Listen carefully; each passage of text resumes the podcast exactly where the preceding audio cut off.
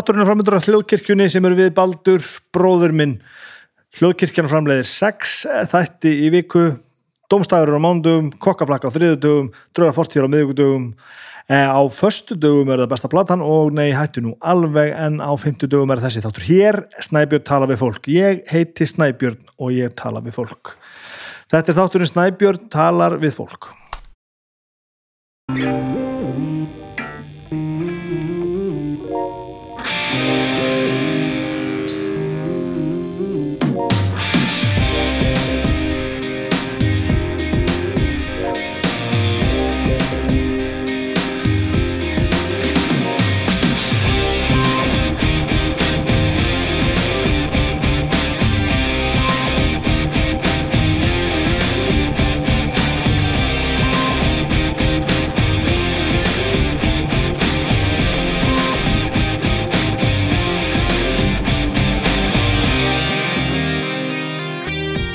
Komið sæl, velkomin í þáttin minn Snæbjörn tala við fólk.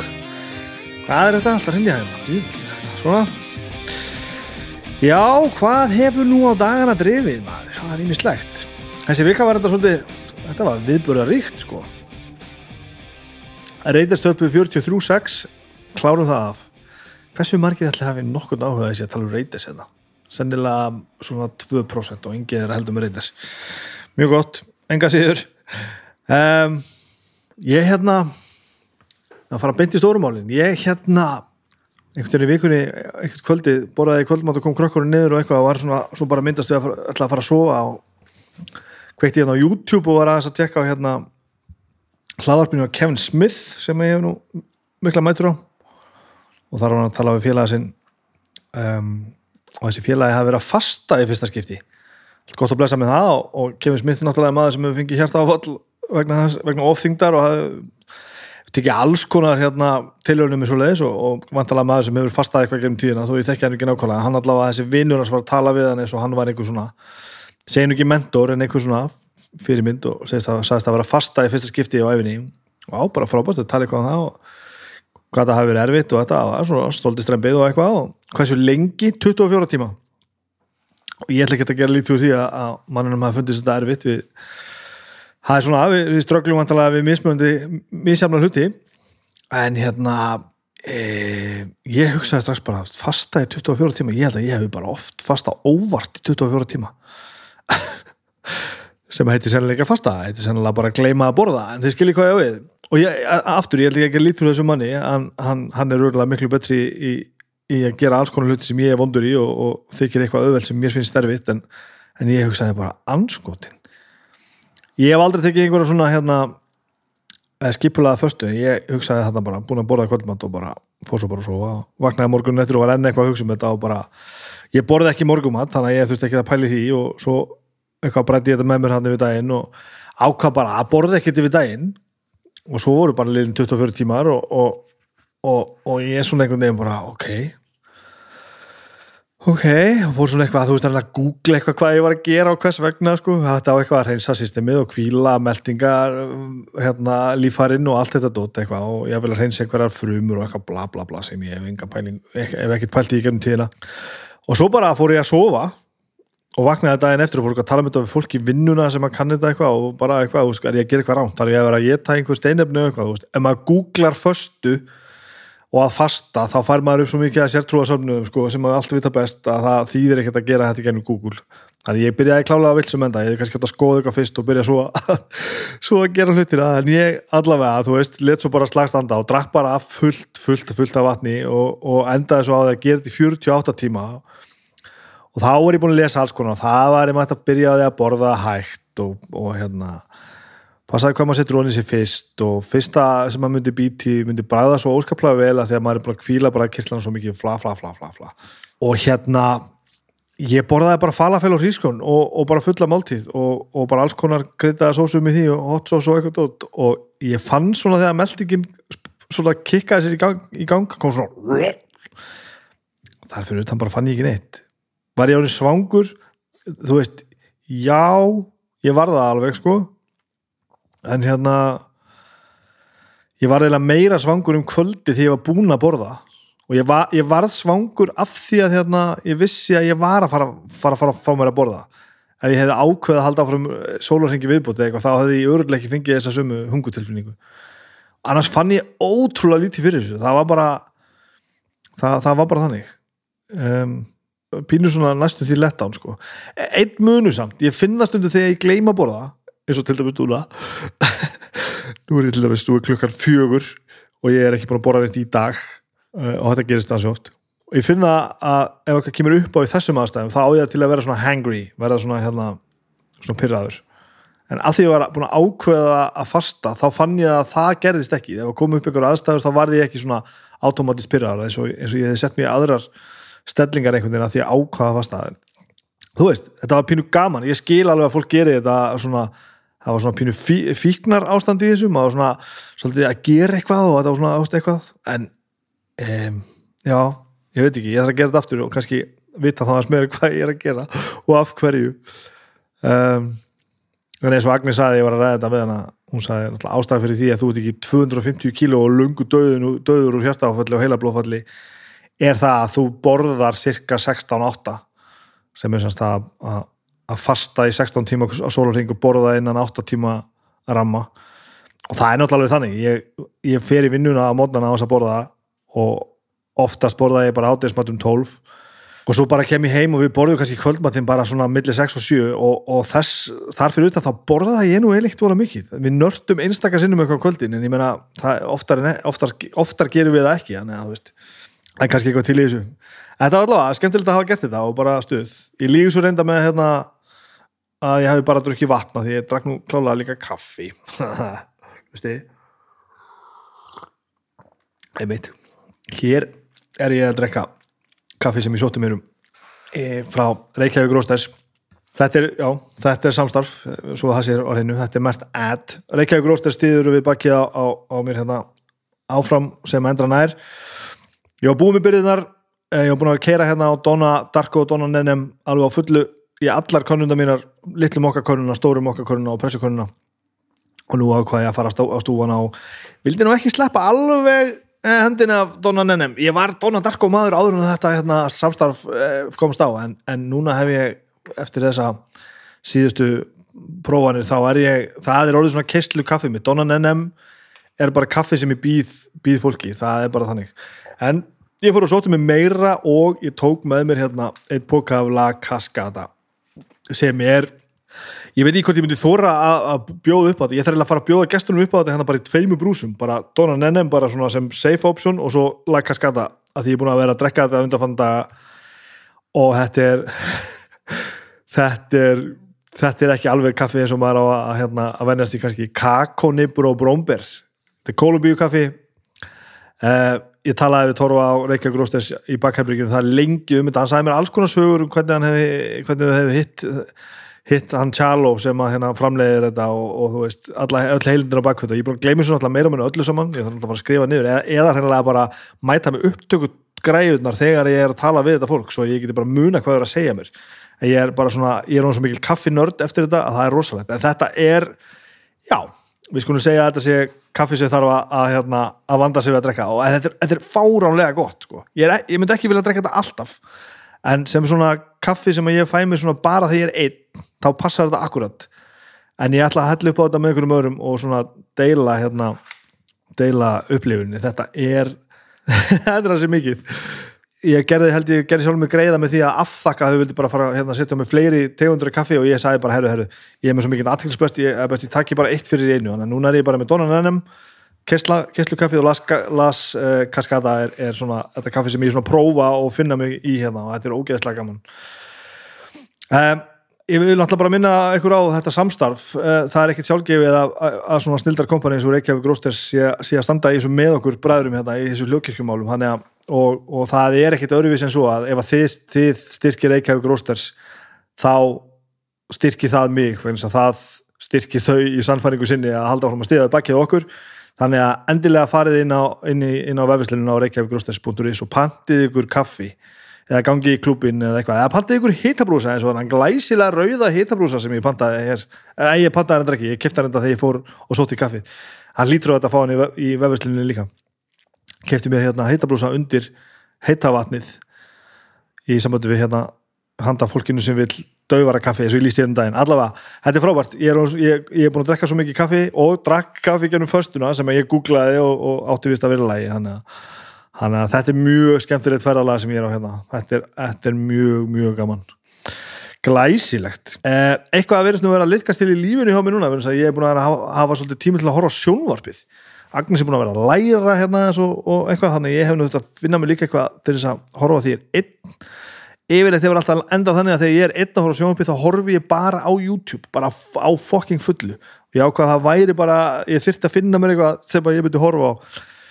Og ég er reðst í verkefni í vikunni sem að hérna sem að áttur að taka einhverja vikur og ég ætla að lefa fólki að fylgjast með því. Ég fór inn á Disney Plus inn á Star Wars hérna, eh, svæðið fór þar alveg á botn og það er bara er, er bara svona, svona ekki playlisti, það er bara svona kemur í röð uh, Star Wars Through the Years eða eitthvað svolítið og það er bara Star Wars stöffið sem eru á Disney Plus í útgáfur það eru alla myndina sem eru 11 episode sem sagt uh, 4, 5 og 6, 1, 2 og 3 7, 8 og 9, Solo og Rogue One þetta eru 11 myndir. Uh, og svo eru allar hérna allt hérna allt teknimyndastöfið og allir, allt þetta one-off dót og alls konar, alls konar dót sko. Um, og ég ætla bara að horfa át allt í röð. Bara í útgáru, ég er búin að pæla mikið í hvað röð ættum að gera þetta, uh, ég ætla að þetta. Uh, við í Agnes tókum marvel hér um daginn og horfum á allt og það var svona í útgáru ég komst að ég hef miklu meiri áhuga á því fyrir mig og mitt hún sagði það sama að sjá hvernig sko framleiðslu parturinn þróast, meira heldur en er að fylgja einhverju, sögulínu, ég get sett hana saman og eftir, fyrir það að fokka allir þessari sögulínu upp sem búa til svona svona hérna, svona brand af því að, að, að það er svo flókið að ætla að fara að setja saman söguna eftir á. Hann er, ég byrjaði á Star Wars, ég búið með New Hope og ég er hálnaði með hérna uh, uh, Empire Empire Strikes Back og hérna þessa myndir er ég búin að sjá svona 85.000 sinnum en það er mjög langt síðan ég sá það síðast. Ég fatt að þið byrja að horfa á New Hope og djöfull eru það góðar maður. Ég var svona, svona alveg, alveg svona, já, alveg próper Star Wars nörd þegar ég var, var yngri. Svo sá ég Phantom Menace sem var fyrsta fjörðamyndi sem nokkur tíma kom út og hérna, var það ekki hún? ég, ég held að og Jar Jar Binks og, og það allt saman. Ég, það, hérna, það er ekki gott. Og ég fór í fílu og ég veit ekki hvort ég hef séð kannski eina eða tvær starfsmyndi síðan. Þannig að ég skulda mjög margt þannig sko. en það, þetta er hérna. Ég ætla að leggja stað í þetta og bara taka þetta fyrstum tökum. Og já, finnum við þessar fyrstu þrjár gamlu ég ekki tekið þær bara svona stoppaðin í minni mynd og eitthvað en þegar ég kem áfram þá var ég kannski að taka meiri tíma frá. Þetta er skemmtilegt, annað sem ég vil lefna nú er ég fann að blara helling en ég bara get ekki slefti uh, ég og Agnes fundum okkur annað til þess að, að horfa saman ég horfum mikið á YouTube stöðu sem heitir Tested þar sem Adam Savage uh, er, er áberandi sem er annan, annan mythbustisinn og hann var eitthvað að tala um eitthvað eitthvað upp á stöðu sitt og hann nefndi, nefndi sjónvarstátt sem heitir Ted Lasso. Ted Lasso er amerikani sem var að þjálfa amerískan fókbalta þetta er sem sagt bara sitcom bara uh, hálftíma gaman þettir tíu þáttar serja hann var sem sagt þjálfari í bandaríkunum og og að, að þjálfa ameríska fólkvölda og kemur til Breitlands að þjálfa í, í hérna í League í, í, í ænska bóltanum eh, hvað sem það á áhuga á einhverjum íþóttum eða ekki, það skemmar ekkert fyrir það skiptir engum máli. Eh, þessi þáttur er, þessi seria, ég hef sem búið með 6 eða 7 þætti, þetta er þetta er bara besta sem ég séð svona ég veit ekki hversu langan tíma, þetta er algerlega frábært ég sá mynda á honum að prómóið alltaf á, honum er hérna aða leikarunum með í karaternum Ted Lasso með hérna yfirskeggið og ég myndi eftir ég hafa séð þessar auglýsingar. Er, þetta er sem sagt örgulega svona ég held ég að googla þetta hefur sjú ára gamla auglýsingar það sem að NBC sjómástöðun í bandarækjunum var að auglýsa að þið var að fara að sína premjörlík í bandarækjunum og þá var þessi karati búin til og hann er sem sagt bandaríkjamaður sem á að vera að þjálfa Tottenham Hotspurs og bara svona, þetta eru bara svona sketsar og, og hérna ógeðslega fyndið og rosa silly. Og þetta er sem sami karakterin, einhverju fatta að þetta veri ógeðslega fyndin hugmynd og búið til eitthvað í kringum hennar karakter og hérna og þetta er minna silly og þetta er alveg ógeðslega fyndið og vitti og þétt og velskrifað stutt í þetta er hálftíma format og svo stundum bara er maður kift gjörsamlega neyra á, á hérna, drama dramahilluna og bara maður er bara látin kljástu tilfinningar sína bara á tíu þetta er Ted Lasso, tekkið á þessu. Ég held að við séum að horfa á þetta á Apple. Þið finnum út í því hvernig þið ætla að gera þetta. Apple Plus, þetta er, þetta er alveg gerlega frábært. Mikið er ég búin að tala mikið, þetta er frábært. Um, Birgitta Haugdal gesturinn í dag. Birgitta, við erum alltaf múin að þekkast síðan á Húsavík. Um, þekkjumst, hvað á ég að segja við erum mjög góði kunningar en kannski ekkert mikið meira heldur en það. Og þið heyrið það kannski þegar spjalli byrjar. En um, ég fór að hugsa það eftir á þegar spjallið var búið hvort að mögulega ég hefði svona talað svolítið við hana svolítið eins og reynda að gera svolítið þessu þáttum. Þetta verður allt svo mikið spjall. Að þið heyrið það þegar hún fennir svona að fikra sig yfir á hérna uh, erfiðari nótunar þar sem við finnum að tala, um alls konar erfiða hluti uh, og hún svona íjar að því að ég svona, það er svolítið svona eins og ég skauti bara yfir það. Að því að hérna ég veit náttúrulega um hvað hún er að tala að því að við vorum á sama stað og ég, ég þekkti til eins og kemur í ljós í spjallinu. Og hérna þetta er ekki ég að vannvirða það sem að Birgit er að segja heldur við bæði vitum að hitt veit.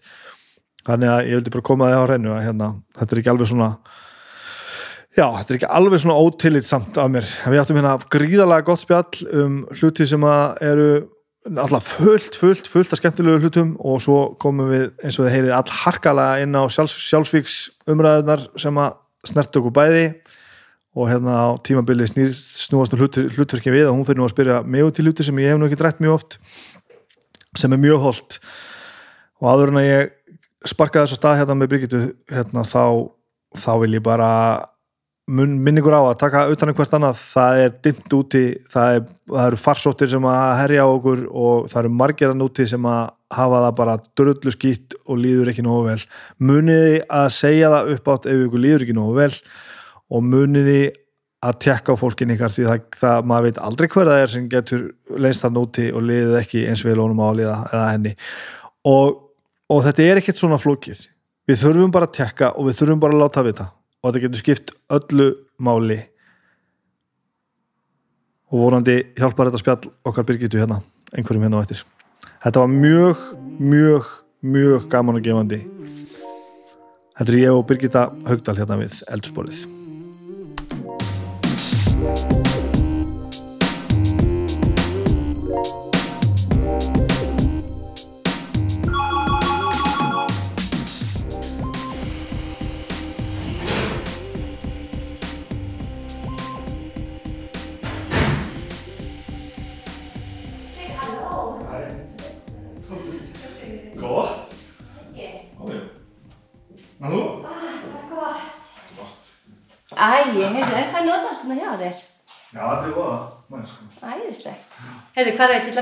Þú til það hér, Ég er búin að byggja á svolítið saman Ok.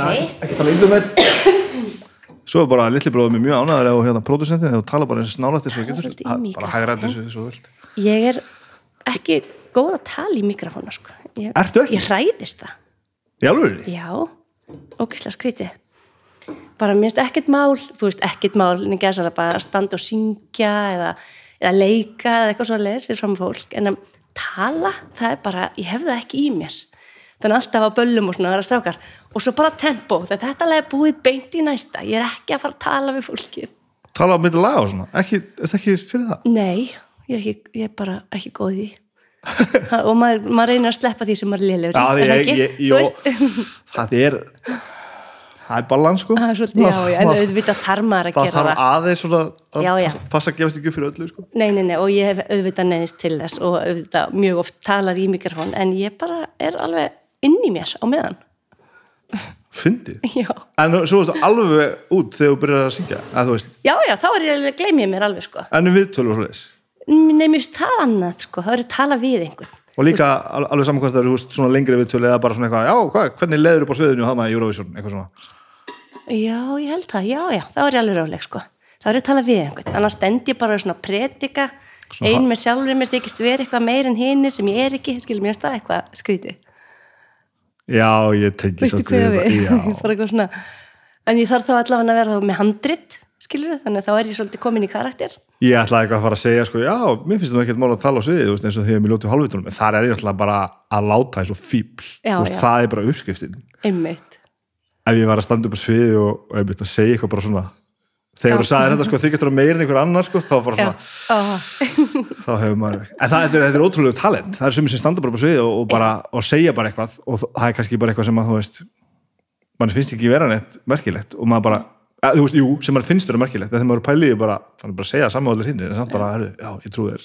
Sem eru bara með þetta, eru bara með einhvern svona presens og geta þetta og líðu vel í þessu fá eitthvað út úr því líka. Já, þú veist, en, en já, það er svona maður sér þetta líka að maður er að spila sko, ekkert bara að spila og líka bara að hlusta og, og fyrir svona festival og svona. Það sem maður sko einhver er að tala við kannski, þú veist, 40.000 manns. Já, einmitt, þá stendur bara, þú veist, brúst ekki svona á meitin bara á miður sviðinu og bara hvað segið þið? Og bara, allir bara mjög gott. Og hann er bara, að já, hann er bara alveg að tala við alla. Og bara, hvað er þetta? ég held samt að það sé auðveldara að tala við svona marga heldur en á Íslandi, þá ert bara með 300 eða já, já. 100 eða hvað það er sko Það, það er miklu persónulegra. Og þú þekkir, þú veist, þú lítur út í sal og jújú, jú, þarna er Guðrún vinkona og, og þú veist, þú þekkir svo marga líka svona, mér finnst nú almennt bara, bara einfaldara að tala fyrir svona marga heldur en fá það, sko. Já, ég er nefnilega samaldi ég held að hérna, og ekkert bara á Íslandi heldur bara. Já. ég var nú að segja þetta einhverju viðtalið um daginn sko. og veist, ég sp- eh, og veist, spila í hérna í Eldborg með symfóníinu og ég hef spilað á Risotro festivalum og ég hef verið bakgröndum í Eurovision og hitt og þetta, ég hef aldrei verið einn stressar á æfinni eins og ég held á barni undir skýrin sko. já, það voru bara svona í alvörunni bara svona 10-15 mann sko. og einmitt ég var nötrandi sko. ég þetta að segja tvö orðið eitthvað ég var bara, þetta, og ég, ég skil þetta fullkomlega sko, að því að bara ef ég ætti að syngja bara fyrir mitt nánasta segjum bara, það verður 30 manns hérna inni og bara mitt allra nánasta og ég ætti að syngja fyrir þau ég myndi skjálfa beinunum sko. En ef, ef ég stæði fyrir framann 3000 manns þá myndi ég jafnvel bara valla að finna fyrir því sko. Hvað er það er þetta? bara, ég veit það ekki. Þetta, ef þetta er of persónlegt þá kannski nærði ekki að þá kannski opnar þau mikið nærði ekki, ég veit ekki hvað það er. Að, hérna, eða vilt alls ekki mistakast. Af því að þetta er dýrmætara heldur en ef þú rugglast eitthvað fyrir fram á 3000 manns þá bara rugglast og heldur áfram. Það er eitthvað. En stundum er náttúrulega bara eitthvað í húfi sko.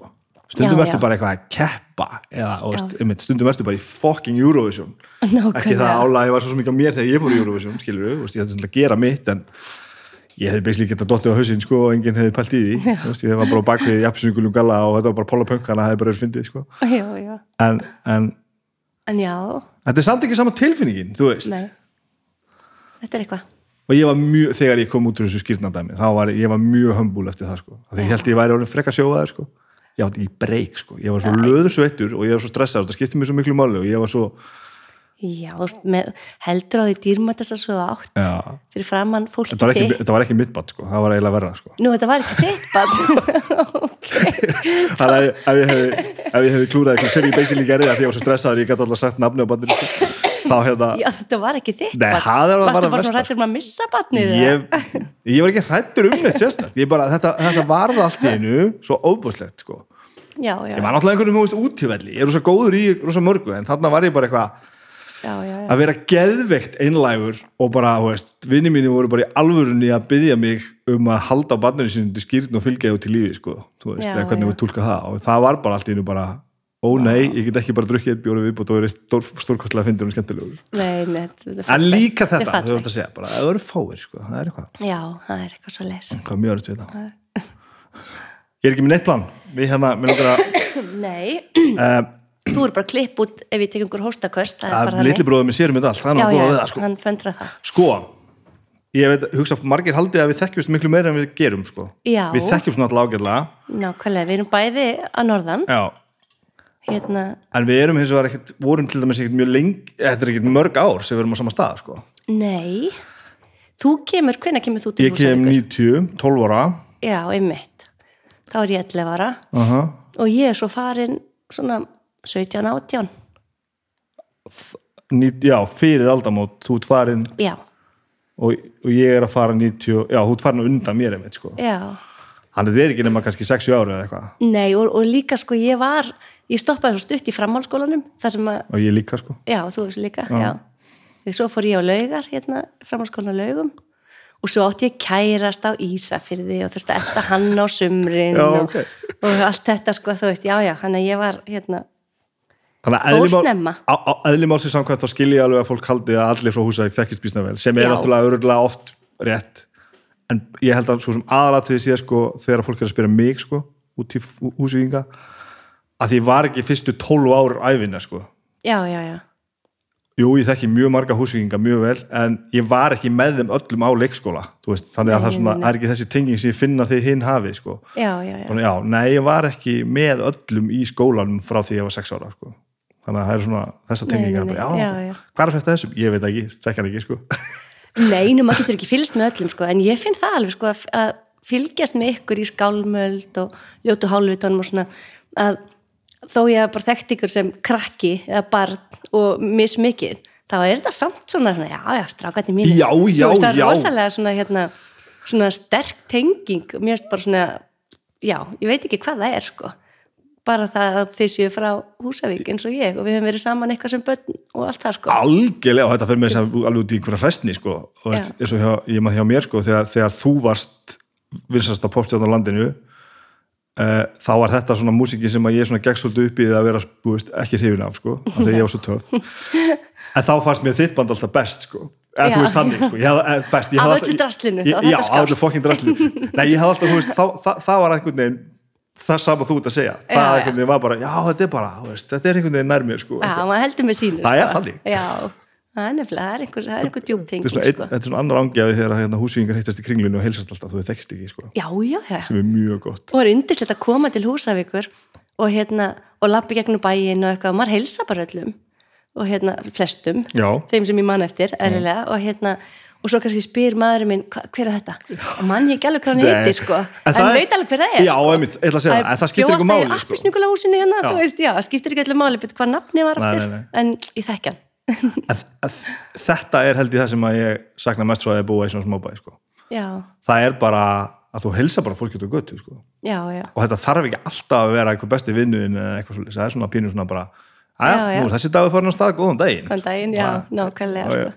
já, já, og þú bara heilsa og lappa framhjá þú þarf ekki að heilsa og stoppa, hvað segiru nákvæmlega. Ég er ekki góð nefnilega í svoleið svona hérna, tala um veðrið og daginn og eitthvað svona, tala um ekki neitt. Þú veist, þannig að ég er mjög góð, ég er bara annarkvort líti bara niður og geng framhjá þér eða heilsa þér og lappa hrætt framhjá þetta er alltaf fáralegt sko að vera, vera svona feimin en vera samt að vinna við að vera fyrir fram að fólk Þetta kemur samt meir og meiri ljós eftir sem talaði fleiri að þetta fer ofbóðslega oft saman sko. já, er það? einhver svona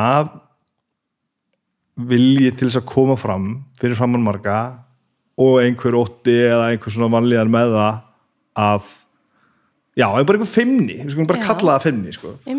Það annars vegar og fólki sem að er finnast og skemmtilegast því virðist alltaf líða verst sko. Þetta er ótrúlega fyndið.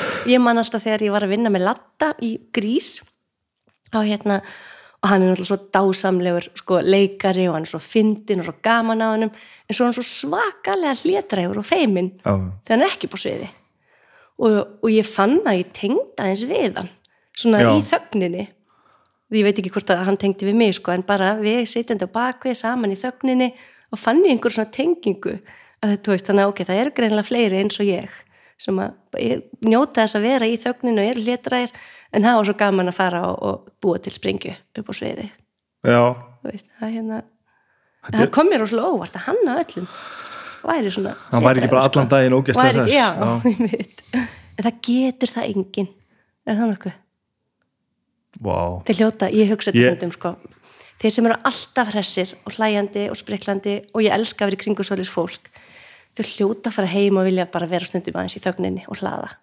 Það getur ekki annað verið. Nei, það getur ekki hann að vera sko. eða allavega, ég, En- ég veit ekki. ég, ástæði Nei, fyrir dæmi. svo, ég er svona hugsið sko, það er svo stutt sem ég talaði við Björgum frá sinna já, og ég var einmitt, við vorum að tala um náttfamlega þetta. Ha- ég held að hann sé bara alltaf uppi sko.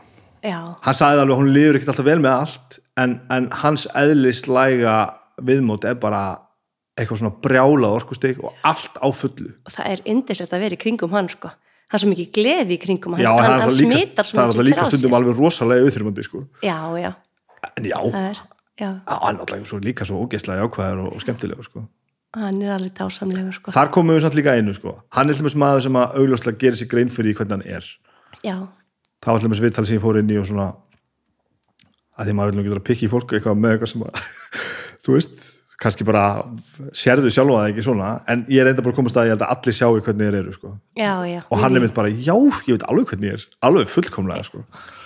okkur lí, ég, ég, ég held að okkur líði vel ef við vitum hver við erum okkur Já. getur ekki liðið vel ef við þekkjum okkur ekki og ég veit alveg og ég meina sem börn og úlingar og vitum við ekki alveg hvernig við erum að vera stundum sko og því við þekkjum okkur ekki, þekkjum ekki inn á tilfinningarnar þannig ég held að sé sko að þeir sem þekkja sér best þeim líður best.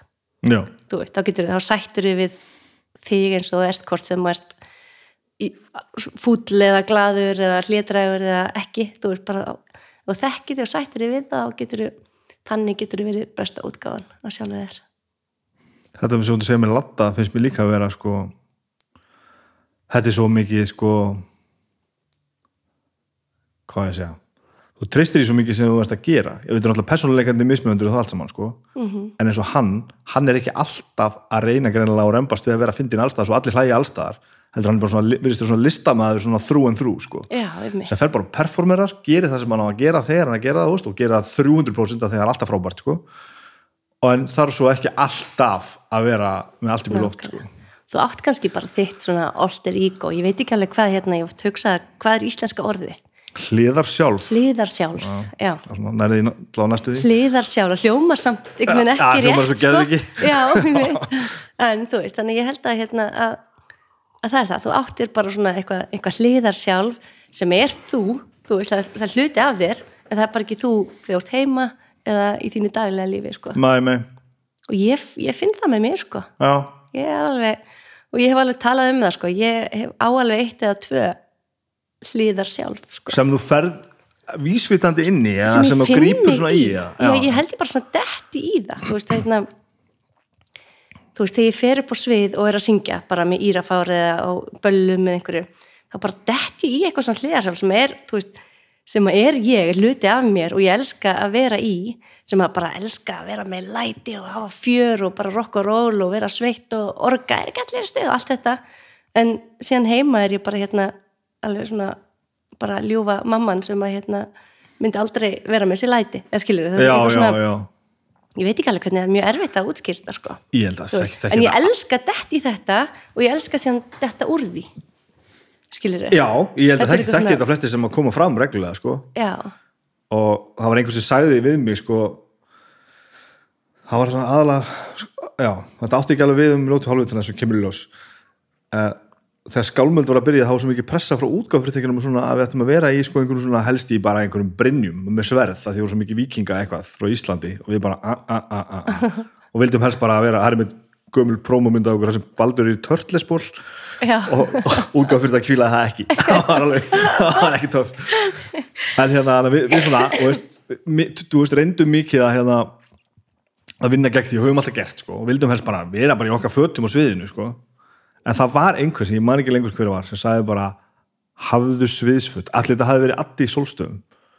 Því að þú vilt ekki vera alveg sama manneskjan upp á sviði og manneskjan sem kemur af sviðinu. Já, þannig að farðu í sviðsfötiðin það er ekki búningur, en það er samt næstuð í búningur, sko. -hmm. farðu í hennar gýr sem þú varst að tala um á hann, er ekki Já. alveg stuðugýrin sko, að þeir ljóta sem með hálfvitana var það, þeir náttúrulega voru alltaf í búningum. Já. þannig að það var strax leikrit, sko. Og ég fatta alveg að þetta er satt, sko þú ferð úr löður sveita giggalanum og í fötiðin þetta er allt fötiðin og ég er ekki, þú veist ég er ekki með einhverja óðalega stjórnustarla í klæðnaði á sviði, þetta er mjög basic, sko. Já, en samt þetta eru fötin upp á sviði, sko. Já. Þá bara dettur í karakterin og kannski bara nærðu betri fókus. Ok, nú er ég komin í þennan gala nú er ég komin í vinnuna, Já. nú er ég komin með fókusin þar. Það er ábygglega ég, ég, tengi alveg sko. Að þess að blanda ekki saman þessu tvennu sko og, og ná þessum fókus. Þetta er eitthvað sem maður fattaði ekkert þegar maður var að byrja og, og ekkert eitthvað meðvita svo bara allt í einu smá saman fer maður að sjá þetta, eitthvað sem maður bjósið til á þess að vita það sko. Og hérna já. Hvernig var það að þú veist að fara þú tekur, pásu frá því að koma fram og svona, dettur þú þá bara inn í þetta aftur að gera þetta?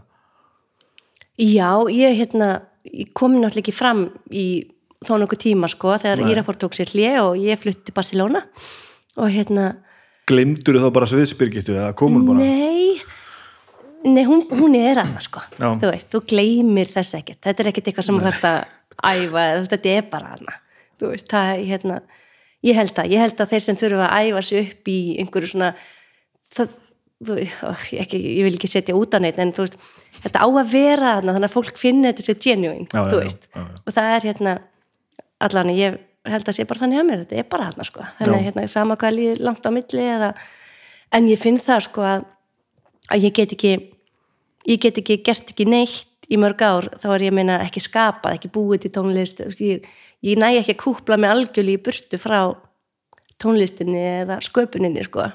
En, en ég get alveg kúpla mig frá því að koma fram. Því að það Já. er, veist, því það er ekki aðalatrið finnst mér, mér finnst alveg geggjað bónus og ég fæ ógæslega mikið út úr því en, en hitt er það sem að svona fylgir mér í mínu lífi sko. það er bara að vera búa til tónlist að vera að skrifa að skrifa texta eða skrifa bækur eða hvað það er sko. og er það sem sagt ferðu þá í að búa þig bara til verkefni ef þú hefur ekkert að gera það kemur bara, já, Já, það er það þannig. gerist og farið ekkert, farið ekkert ógeð Nei, að því að þarna, ég finn einhverju svona, ég fæ einhverju svona bara núvitund, þú veist, það er eitthvað svona ég gleymi mér í, þetta er eins og mín kvíld, sko, að setjast í píanóið eða glamra á gítarinn eða skrifa niður texta, setja á tölvuna og skrifa sögur, allt þetta, ég finn einhverju svona kvíld í því. já, Ég næ bara svona, það er einhvers konar svona heilun í því, að bara loka mig af, ég er bara inn í einhverju öðru, einhversum öðrum heim. og mikið öfundaði ég á þessu maður ég er alltaf, þarf alltaf að grænda mig gegnum allt sko. Já, ég yrk ekki texta fyrir korter á, á að syngja hann í stúdíu sko, af því að þarf hann. Já, já. ég hef ekki þessa kölluna, ég hef kölluna búið þetta til og mér finnst geðveikt að hafa gert þetta og ég er ógeðslega stoltur að þessu og þú veist, mér finnst brjálaðislega gaman í stúdíóinu og mér finnst hrikalega gaman að gefa eitthvað út og eins og segja, gaman að spila tónleikum og allt þetta. Ég veit ekki nákvæmlega hvar dræfið, stóra dræfið liggur, það er þetta sko. Já, en vinnan að búa þetta til það er eiginlega alltaf að vinna hjá mér sko. Ég Já, þarf já. alltaf að en, vinna það sko. en það er líka þannig hjá mér sko, að þegar við erum að fara að taka upp eða kemur að loka metrónum sko, þú ákveður að gefa eitthvað út hvort sem að er hérna, texti, lag, bók veist, þá þarf alltaf að fara aftur yfir þetta og þá byrjar vinnan. Já, grændið, þá byrjar það já, já, þá já. þarf þetta að fara yfir þetta og laga þetta til og það vantar eitthvað, þetta passar ekki skilur þau, kannski er það það sem ég líka fokku upp sko, að því að ég hef eiginlega aldrei á ævinni gert draft að neinu já, já. Textarnir mínir koma til dæmis bara þeir koma síðast sko, ofan á tónlistina og það er alltaf bara final product 99,5% sko. þannig að Já. það er alltaf ég er ekkit rosalega mikill listamaður sko. ég fæ ekki ekki rosalega segja þetta, ég, það er ekki hvað er Já, listamæður þú veist, ég, ég segi þetta oft sko, ég er, svo, ég er ekkit mjög merkileg ljóðskáld. Já, ekki segja þetta Já, heldur jú, leið mér útskjá já, ég veit ég er rosalega góður í því sem ég geri en köllun hjá mér er ekki að fá eitthvað svona inspo og svona, svona blæða því út sko ég er miklu Mm. meiri svona þetta er miklu meira svona ég hef ekki að þá náða að koma þessu íslensk orð þetta er meira kraft heldur en art skilur En sko, ég hugsa oft þetta sko, þetta, þetta nafn, listamaður eða listakona, hvað er það? Það er ekki eitthvað eitt. Nei, nei. Það er ekki, þú, þú sérðu eitthvað fyrir þér að hérna, það það er bara einhver sem er alltaf heima situr, alltaf með teikniblokkina og, og er að teikna eða skrifa eða mála, alltaf eitt með sjálfum sér og bara út, svona, út með einhver svona bíómynd í hausnum sko. já, já. En hérna, en það er kannski bara, þú veist, 2% af listamönnum eru þar. já, Allir hinnir eru bara fyrir framantölfuna að vinna að búa til tónlist, að setja inn effekta og skilur eða hvað það er sko. Þannig að hérna, ég held að þetta séu bíómyndirnar sem séu búin að búa til einhver svona, einhverja sko. mynd í það haustum á okkur. og Og listamenn þetta þurfa alltaf að vera svolítið, výrt. já, helst að líða þess illa líka Já, klæða sér svolítið skringilega og allt þetta sko, veist.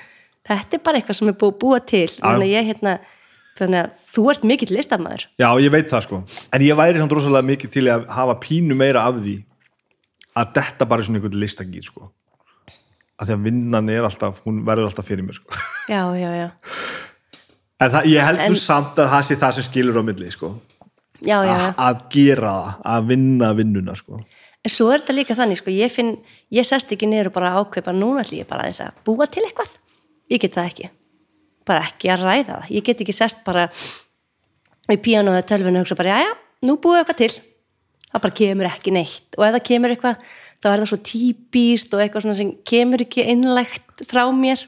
þannig að þetta verður að vera stundirnar sem ég bara sest óvart og byrja að gera eitthvað og þá dettur inn í sóni sko. Ég er að meira þetta Já. þetta hef ég jú, þetta gerist, skilur já, en ég er bara svo ég er bara svo mikill uksi, sko ég bara gerir þetta ekki þannig að þetta endar alltaf á því að ég þarf að setjast niður viljandi já, já, já. og grænda mig bara í gegnum það og ég þarf þá yfir bara semja tíu riff til þess að eitt sé í lagi, sko. En það kannski líka vegna þess að þú veist að þú virkar þannig. Að þú getur gert þetta, að þú virkar vel, vinnu vel undir pressu. Ég gera það, sko þú, ef, ef þetta væri ekki að virka þarna hjá þér þá kannski myndir gefa þér aðra stundir eða eitthvað en þú bara heyrðu, svona virkar þetta hjá mér. Ég er bara drullu góður undir pressu mm. og best fyrir mig að bara búa til sér tíu riff í einu en ekki eitt á viku já, já, já, ok, það er, það er alveg satt, sko. Er ég held að með, meðvita veistu bara, ég get þetta svona það besta sem ég gerði sjálfum var að, var, mér var að treyst fara sko vísvitandi að treysta því að ég myndi alltaf klára hlutina. Mm. að því eins og þetta segja bestur undir pressu. Uh, ég vinn rosa mikið á síðust stundu og manni var einhvern veginn kent að það veri ekki mjög göfugt að, læra undir prófið á síðust stundu að skilja rítgerinn í kortir í sko.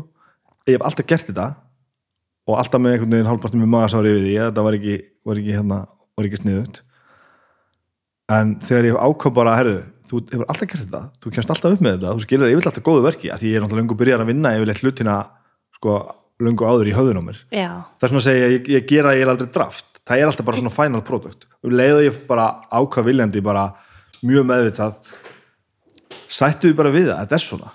Ekki vera með magasár í dag að þú þarft að skila einhverju annarkvöld þú veist þú gerir ekkit í þessi dag. Slakaðu bara á í dag, gerðu þetta morgun já, já, og það bara sparaði svona, veist, svona kíló á orku sko, bara svona, herrið, ok, þetta er, þetta er ótrúlega munur. já, já, já. Ég, er, ég er ekki góð svona undir pressu. Nei, Nei, ég, er- ég þarf að ég er svona, ég þarf að skipuleggja mig og ég þarf að undibúa mig. Svona, ég er ekki góð. Það er ekki gott að segja svona, heyrðu tjekkum bara á Birgitu, hún reddar þessu kvöld einhver gigi eða eitthvað sem margir eru bara drullu góður í. En þú veist, ég þarf smá tíma ég þarf svona, ok, hvernig ætla ég að gera ég þarf svona smá já, ég þarf fyrirvara. Ég ég fann að það vorum að tala saman, í saman þetta viðtal líka, þú varst svona, Já. þú veist, þú þurftur að finna svona já, já, hvenar tímið var réttur og eitthvað er það sama? Já, ég bara já, ég hérna ég þarf að vera búin að skipuleggja þetta og sjá þetta fyrir mig, þetta er þarna, þetta er svona þetta, þetta verður gert þarna út af þessu.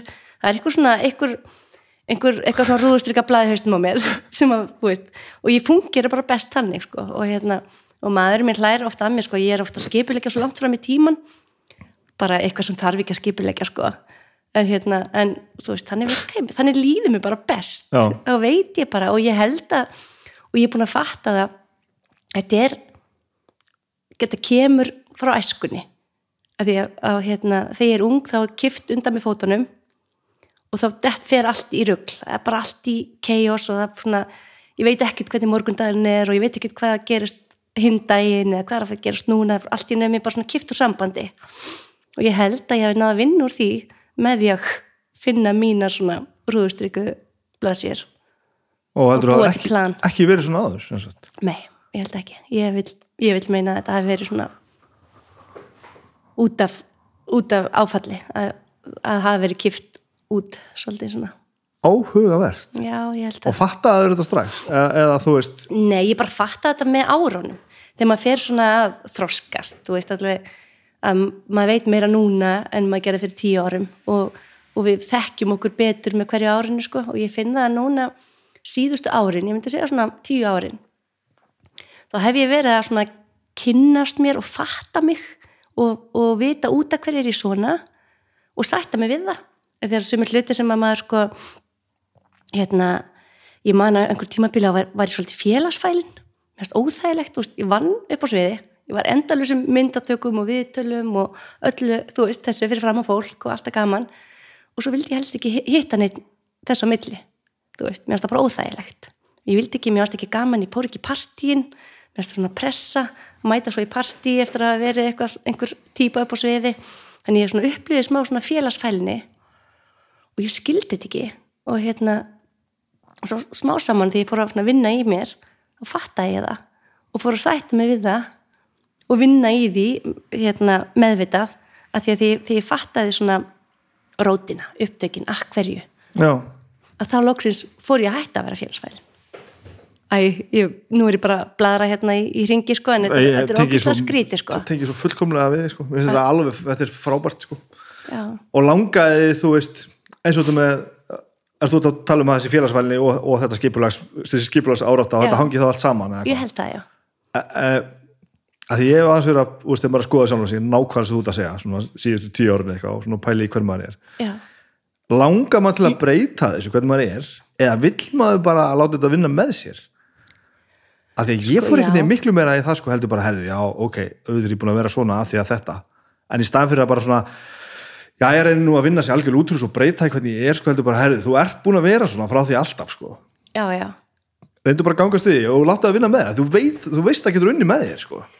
Sko, já, ég held að hérna, allan að ef ég tala fyrir mig, þá var það þannig að þegar ég áttaði mig á því að hérna að þá samþykti ég það. Að ég, viss, ég fattaði þetta ekki, það var, ég var bara svona og ég, mér, mér langaði bara ekki að fara í partíin eða vera á einhverju stöðum þar sem margir voru og eitthvað og, og bara spáði ekki í það. En svo því ég áttaði mig á því að ég væri kannski bara lítið félagsfælin og sætti mig við að hugsa, já, þannig er ég bara. Já. E- eins og þú ert að segja. Aha. bara svona tók utan um það þetta er bara hluta mér að þá smá saman hætti það. Þá smá saman fór ég að vinna á móti því og það hefur minkað alveg svakalega mikið.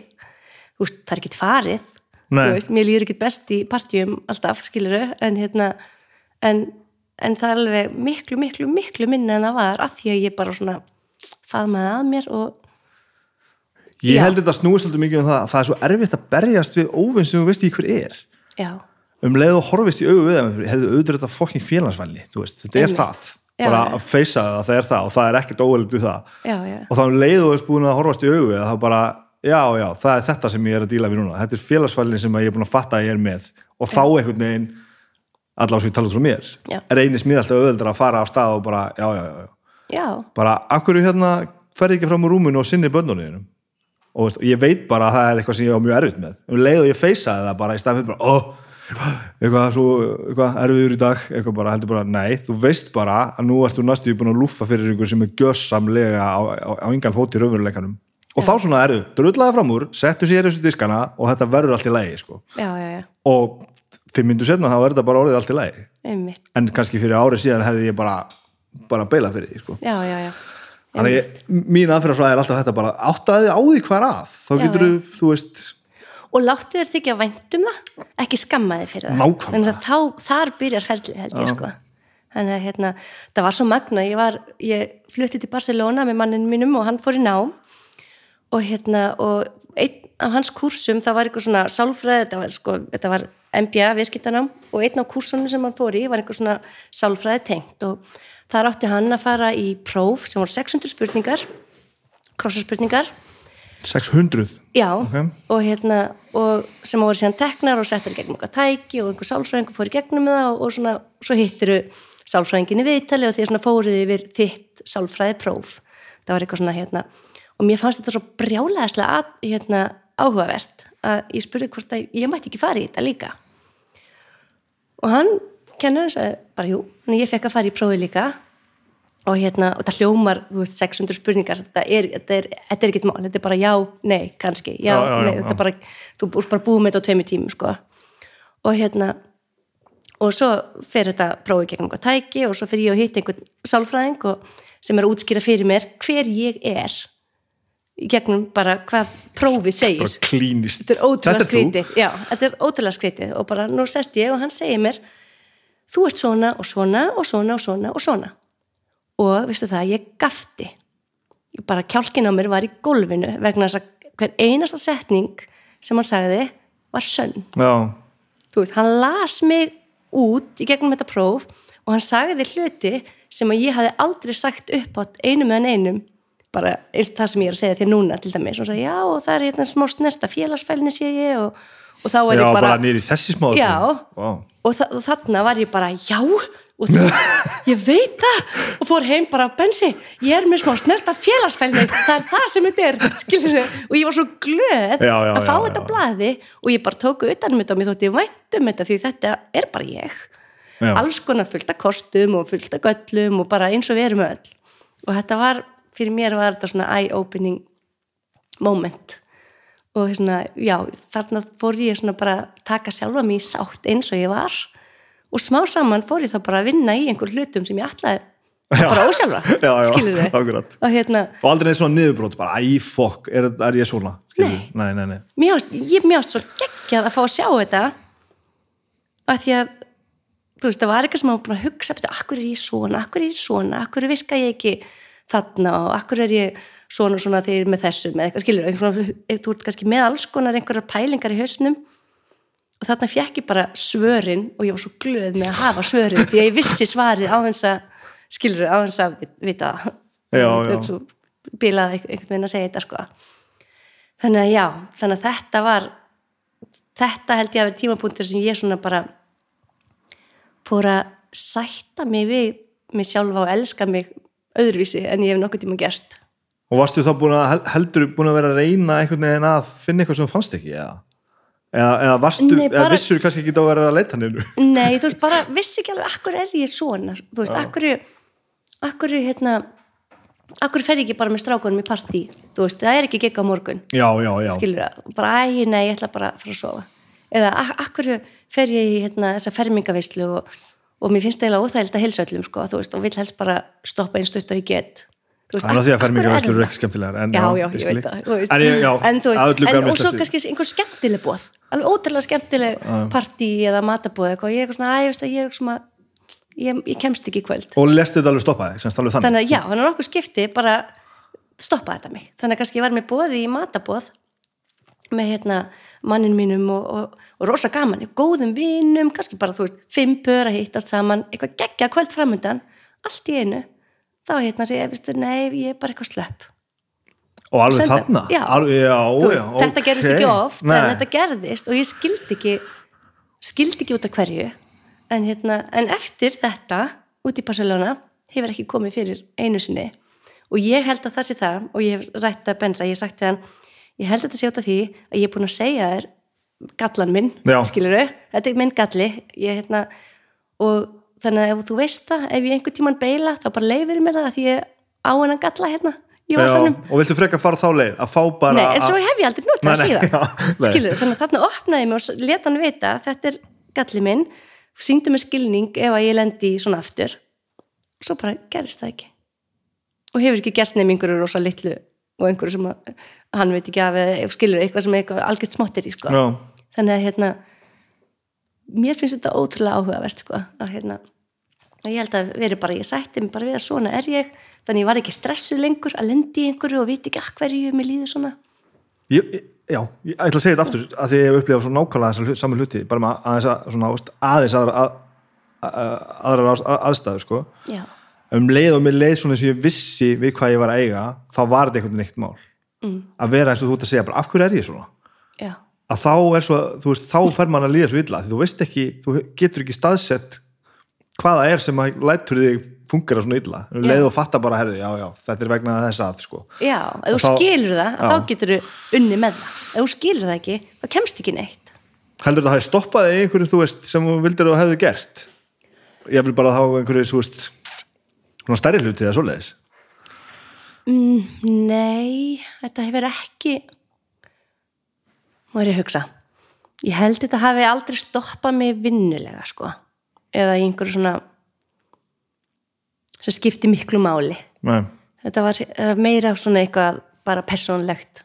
Já, og svo bara Já. partíin og þetta sem svona Já, bara eitthvað svona þar sem að margir komu saman, kannski líka þú veist, nú er ég ofta, ég er ofta að reyna að greina sjálfa mig og, og fólk, bara ég hef gaman að því. Og hérna, og, og stundum hugsaði kannski kannski var það líka þar sem að bjóð til kannski félagsfélagina líka nú, ég bara von, ég ætla nú að beða fjölmiðla að skrifa ekki einhverja fyrirsöknum að byrgita með félagsfélni, bara komið því fram hérna núna. það, það, það er tapastrýð, það Já, verður alveg um leið eitthvað svo glata nei, nei, hérna en þá hugsaði ég sko, kannski býst fólk við því að ég sé ógeðslega skemmtileg og hress og segja brandara og syngi hæst í partíinu. Eins og lati skilur eins og latti og hérna og ég veit að, veist, ég er að og mér langar ekkit að vera trúðurinn í partíinu. En- það þannig að er- mér langar kannski ekki að verða fólki fyrir vombriðum skilur að fólk verði fyrir vombrið það bara, hvað, ég held að hún væri skemmtilegri.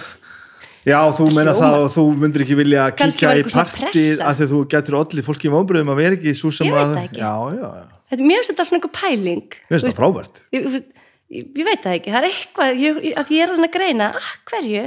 Mætir ekki bara, að þú myndir frekar vilja vera bara ekki ætla bara heldur en að vera verða allt í einu í augum fólks einhver sem að heldur að vera ekki? Þetta er svo bila. Þetta er samt ekkert bila, við erum öll svona sko. Þetta Ég- er bara eitthvað svo magna og mér að fyndi að vera að ræða þetta hér í einhverju podcasti og eitthvað en, en þú veist, en ég er bara að tala því við erum öll mannleg sko. Veist, við erum bara öll að glíma við alls konar og í alls konar og veist, og erum bara öll svona ruggluð inn við beinið En svo te- tengir við þetta að, að því, veist, við erum auglastlega ekkert á mjög ósvipum stað, svona eitthvað uppgötta svona alls konar. Já, og já, allavega ég er svona reyna að vinna með mér heldur en ég sé að breyta öllu í kringum mig sko. finnst þetta ekkert gaman? Hvað þá? að fatta þetta allt og byrja að hugsa um þetta? Jú, mér finnst þetta svo magnað. Að þau mér finnst þetta svo hrikalega skemmtileg bara, Já. maður. Og bara, hefðu, þá get ég haft þetta svona og gert það svona og, veist, og ef mér líður svona þá er það þetta og Já, og það, þetta er nefnilega, þetta er stig í þroskanum sko, að þegar þú fattar þetta, þess vegna var ég svona hamingjusum því ég fekk þetta blessaða próf þannig, þú veist. Þannig var ég svo glöð, bara já það, það er þetta og ég er bara svona og það er bara allt í lægi og ég er bara frábær eins og ég er þrátt fyrir það að vera með þessa galla og, og vonandi einhverja kosti líka. Veist, það var eitthvað svona að taka sjálfa sig í sátt þá getum við byrjað að vinna með það. Og þess vegna held ég að óvart hafi ég bara, þú veist, í dag spá ég ekkit í þessu. Nei. í dag er ég ekkit að spá einhverju félagsfælni eða hrættu að vera í partí eða matabóð eða skilur það, ég bara ég er svona búin að yfirstíga þetta með því að taka, taka utan um það sko. Þetta er magnað, þetta er mjög magnað. En, hérna, já, það er gaman að þessu. Förum, aðeins hérna, förum bara alveg aftur. Mér langar aðeins til húsæðingur sko. Mig langar Já. alveg bara helst í tímana sem ég var ekki þar sko. já, hvað hérna, þú, þú, ert, þú, þú ert bara eins húsi sko hægt er eiginlega jú, ég, ég er fættu uppalinn sko, ég hérna, pappi er fættur þar og uppalinn og mamma flyttur þangað þegar hún er 18 ára eða, svo. Já, hún, hún kemur frá Skagaströnd. Þannig að, hérna, að þau eiga mig og, og mín sískina þannig að við erum bara búin að vera þarna og ég var þarna til 18 ára aldurs. Hvað, hvað eru þið mörg? við erum, við erum svo sagt hérna fjögur sískinin en ég missi einn annan bróði minn hérna ung. Þannig að þið voru tvær og tveir? Já, það var sagt hálfbróður sem að bjó hér í borginni reyningarðar já, já, já, sem að pappi átti hérna, árið ára hann kynnist mömmu. Já. og hann kemur til okkar svona sumrin og páskum og svona þannig að hann er svona hérna fer fram og tilbaka og hittum hann minna. Og svo er bróður minn og, og sýsti mín. Mamma sem sagt mamma flytur til Húsavíkur með bróður minn nýfættan og kynnist þar pappa og, og hérna Ha, býtum við. já, þetta er á svolítið frákið Þannig að þau eiga sitt hvort strákinn og svo eiga, eiga þær ykkur sýstuna saman. Já. Ég er svo lélur í svo, ég vissi þetta ekki sko. Nei, en, en eðlilega því að þú veist maður, ég tala bara um ég á bara bræður og veist, ég, ég, á ekki hálsískinni þetta er til dæmis eitt af því sem ég veit ekki af því að, því að ég er ekki fættur á húsæk sko. Þetta er eitthvað sem húsvíðingar vita alveg Já, já, og ekki bara því þú eru slúrar heldur bara því að það er þannig það er að vita það, en ég kem svona inn einhvern veginn 12 ára og fer svona að sjá allt utanfrá og það er þessi hluti sem ég bara, já ok já, já, já. En það var já. þannig að pappi á eins á streng í Reykjavík þegar mamma kemur til húsaukur og hún er bara með tvekja þryggja mánu dreng sjálf þegar þau kynnast. áhugavert Já, já, að, hérna, þannig að þau, síðan eiga þau mig fjórum árum síðar og svo sýsti mína Silvíu nýju árum þar á eftir. og þú er bara þessi ótrúlega típiski húsvíðingur sem fer á leikskólan og kynnist öllum og fer í skólan og æfir, æfir allar íþróttirnar og Ég held að, já, já, Jésús, já, og bara æfði allt, þú veist, var bara í handbólta og fótbólta og blaki og ég prófaði þessu sund, ég er alltaf léleg sundkona sko, þannig ég datt nú strax út úr því að hérna, maður já, prófa, já. maður prófa allt. Maður prófaði bara allt, maður æfði bara allt sem maður gæt Já, sko. já, svoleiðis. og já, í fimmleikum já, ég myndi segja sko fótboltinn, fimmleikarnir og handboltinn hafi alltaf verið og svo kom hitt og fór bara eftir í hvernig stuði maður var sko. Og þannig þannig, sko, ég sem barn, þú veist, íþróttir og tónlist var bara mitt líf. Það var bara já, eina sem kom stað hvað varst það tónlista, tónlistastand í byrjun? ég hérna, ég lærði á þerflutu í tíu ár. Alveg rétt. Ég fór nú til pappa Í- þíns í, í nokkra tíu ár? píjónutíma já, Vá, Já, kenda þér Já, ég, ég nema ég hætti sko. En það var líka, ég hef alltaf verið svo óþálim og hérna ég hef aldrei viljað spila nótur sko. Ég hef alltaf bara viljað spila fullt. Þannig að ég var farin að glamra piano og svo þurfti ég náttúrulega að byrja að læra basicina. Hjá pappa já, og þá er ég bara svo óþálim að bara mm, að læra þetta, þannig ég hætti strax. Og ég byrjaði líka á cello og hætti, byrjaði á fylgu hætti að ég fekk ekki að nota bógan strax, ég þurfti að fara að pli, pl plokka fylguna, Já, já, já. ég vildi byrja strax að spila sko, Paldi hvað búið, búið að eyðilegja marga með þessu. Bara, af hverju af hverju má ég ekki bara nota þarna fokkin búið já, einmitt. Akkur þarf þetta að vera hvað, erum regla erum við að búa til einleikara fyrir sinfoníuna bara í, í einhverjum bungum? Má ekki bara vera gaman eða? Þetta er alveg rétt hjá þér sko. Þetta er galið bara. Flautan, ég byrjaði á henni og hún helst, ég var á henni alveg í tíu ár sko, en hinn hljóðfærin var alltaf bara líka, taka líka sko, en hérna, henni já, þannig að þetta var eiginlega bara mitt líf því ég hugsaði tilbaka sko, þá var ég bara, ég samdi mitt fyrsta lag á þörflutuna og ég held það sem að hjælt mér á þörflutunni að það kom svo frábær kennari, hérna mannstu eftir hún með hérna Norman Dennis, Já, já, já, já. Hann var svo dásamlegur, kom frá Ameríku, ekki, minni mig, Nei, er ekki brettar hann kom, Breitlandi, já, og hérna, Janis Já, og hann var svo frábær. Hann, hann fann mig skilur, hann skinjaði mig hvernig ég vildi læra. Og leifði mér að úst, hann leifði mér að semja. Hvatti Já, já. til þess? Hann, hann hjálpaði mér að, hérna, að leita að undirspili þannig ég geti spilað með undirspil heima. Þannig ég var kannski með hérna, geisladisk eða kassettu með undirspil og gæti spila lag óna, laglínuna skilur, ég vildi alltaf alla tónlistina ekki bara hérna En þetta er, er áframaldaði sem við vorum að tala um áðan bara. Af hverju má ekki bara vera stundum gaman þú, þú verður að kveika áhugan bara, Nei, máttu ekki nota bógan að fyluna bara Já, áspilaði aldrei áttur að fylu, takk fyrir Já, það. það var ég bara hægt. En þetta er svo magna, þannig að hann algjörlega ég tengdi svo stert við hann og svo fer hann, flytur hann frá húsauk og þá held ég áfram í námi og þá kemur annar erlendur svona miklu strángari og erfiðari kennari fyrir mig sko, en ég held, ég held samt áfram. Þá var ég bara komið það langt sko. En hérna en já, sko, Norman sko, já, já, hún er mikið að þakka sko, hann, hann svona já, hann, hann sá mig, hann kveikti á minni svona sköpunagáfu, þú veist, þannig að ég samdi mitt fyrsta lag á þerflutuna, spilaði á tónleikum og, og er í dag búin að syngja það lag á plötu, Í alvöru? já, lag sem ég samdi bara nýja ára, Ó, það er veist ekkert besta lag heimi kannski, en ég hugsaði bara til fyrsta lagi sem ég samdi, þú veist og ég bara gerði texta við það og það fór úr sóluplötuna mína. Og alveg þannig lag að það er lag sem sagt? Já, að það fyrsta lagi sem ég samdi samdi ég með Villa og Kára naglbítum sko. Já, það er ekki lag sko, við getum aldrei gert neitt við það nema bara nota það sem eitthvað riff einhver staðar í lag sko, Já, það var já. bara við með blokk, blokkflutu, reyndar örgulega bara þú veist sex ára eða eitthvað, ég segi það ekki Já, já, Þannig að ok. kannski vorum við bara ekki En við ég var alveg, veist, ég var alveg hérna, já, þú veist, alveg, já, kannski tíu ára. En hérna, en það vantaði brú, þannig að ég bjóti brú þegar ég tók það upp, sko. Ef fólk, fólk sem að kannast það veit að brú er svona lítill millikabli Já. sem brýtur upp lagið. Þannig að, þú veist, ég ert að bæta því að þú hefur þetta verið byrjað að semja þannig strax? Já, og, og að því að það var gaman bara veist, já, bara, veist, bara einu herbyggi og bara með hérna, og skrifaði nóturnar bara með blíjant og, þú veist, samti allt öðru sér þá, þú veist, þá kunni ég ekki að gæti ekki tekið upp eitthvað, nú, er, nú sem ég allt eiginlega bara með upptökutæki, sko. Syng bara í síma minn eða glammar eitthvað á píano og, og raula, sko. En þarna bara skrifaði ég nótur sem ég ger ekki í dag, sko. Nei Þetta er læs á nótur? Já, ég læs á, sko, gelikilinn Já, að því að ég fór, að því að hætti já, það hef ég ekki nei. Og notar það? Nei, ég hef bara ekki þurft þess. Nei, það er pínu skyttið sko. Ég, ég er eiginlega, ég get ekki satt þess að læsa nótur. Ég, ég skil þær sko Já. og ef ég hef tíma þá les ég mér alveg gegnum þær. En að því að tala um þetta sé svo hamlandi sko, það eru svo margir orðið sem no, les ekki nótur, það býst engin við því að þú lesir nótur, engin sko. Ég hef aldrei fengið verkefni þar sem ég fengið nótur í hönd bara, heyrðu, hérna eru nóturnar þú veist, Nei, maður fær bara lögin send eða undirspil eða eina sem, að, eina sem þetta hefur verið sko sem ég svona jaðraði við þetta var þegar við spilum um symfóníunni mm, að því að þá breytti útsettarinn Halli breytti lögunum stundum. Lengdi í köplum og, og þú veist við þá vorum alltaf ekki að spila eitthvað sem við höfðum verið að spila því að sinfónían var með það og svona þannig að við fengum sko Gunni Ben bjó bara til svona cheat sheet fyrir okkur sko. Hann, hann í rauninni túlkaði bara á milli okkar hérna, popparana sko Já, og, og já. klassiska fólksins.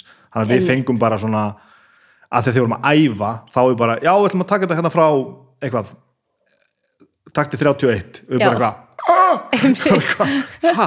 og þá var Gunni alltaf svona bara strákar, það er þetta hérna, vorum eitthvað blað geðu ekki þungar okkar "Uh, hvað sér þannig að það var látið ganga mjög smúð sko. þá hefði til dæmis, það er svona eina skipt síman eftir í að, veist, ef við hefðum ekki haft Gunna þá hefðu við verið pínum bara fókt sko. já, já, hefði getað nýst ykkur þarna sko en það var kannski ekki endilega það að lesa nótuna per se heldur, að kunna bara svona ethikina í kringum það sko. já, já, En- kannski bara setja textan í taktbíl, skilur bara þannig að þú vitir Já, hann, bara braut lagi niður sko Já, já. og hann bara svona setti niður ykkur seksjón og við vissum bara, já þetta er hann að setni ringurinn þegar hérna, þú veist, Einmitt. þegar trómmunda fyrir í do- double time eftir, þú veist, annan kórusinn bara eitthvað, ok.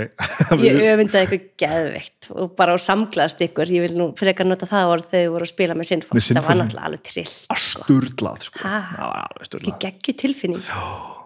Jú, það var það sko. Náður bara, Anders að þér seta, í setaskiptið, já. Já, ok, við gerum búin að gera það tvisvar, gerum 2012, 13 og svo 2018 aftur sko. Já, já. Skipt svo mjög máli. Og setnaskipti var þá fattaði ég þetta almennilega. Hitt Já. var algjör stormur sko. Ógæðslega gaman sko. Og ef ég hefði ekki gert hitt þá var ég veist, að tala aðeins öðruvísum fyrraskipti já, en í setnaskipti þá þá fattaði ég þetta alveg sko. Og það var líka svo margir í sinfoníunni sem hefur gert þetta með okkur áður. Þannig að það var miklu meiri slaki í öllu sko. Fyrraskipti var Já. svolítið þrungi að því bara þeir eru aldrei er, gert svona. er þetta hægt? Já, já. Veist, það var eiginlega þessar útsetningar eru það eru, eru brjálar hjá Halla sko. Þrýr kórar og, og þú veist, Nákvæmlega. sinfonían með sko, slagvistildin með bara svona þú veist, 5.000 manns, þú veist, það var bara, bara að grafa upp kjöllur um eitthvað keðjur og eitthvað dót sem það hefði aldrei notað sko. og náttúrulega þessi hamagangur og þetta og, og það fór svolítið stór partur af þessu var, var bara sko, virkar þetta já, og svo var virkað þetta og við fundum það strax sko, eftir, Já. þú veist, fyrstu æfingu eða eitthvað en þetta var samt alltaf bara þú veist, hvað er að gerast hérna og höldum svo teinunum og látum þetta gerast sko, og svo er þetta ekki, þú veist, þetta er ekki nema hvað spilum við mörg í hvaða allavega, þú veist, fjóra, fimm eða eitthvað. Þetta nú kannski að muna þetta? Tónleika í röð með þeim? Já, Já, vel var- gert.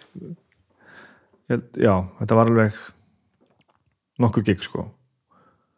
Og hérna og svo var þetta allt í nú bara svolítið bara allt í nú búið af því að þetta bara svona og svo bara, þú veist en í Já, já. setaskipti þá gengu allir inn í þetta vitandi þetta myndi virka. Já, já, með sjálfströstið og, já, og bara svona komur aðrið og þú veist búið að yfirstíga þú veist svona eh, sumi voru kannski mögulega eitthvað pínu pyrraðir sko, fannst þetta ekkit verið eitthvað sem þau ætti að vera að spila á, veist á 15 miljón krónar selóðu sitt sko eða þetta er ekki það sem þú skrifaður upp á sko.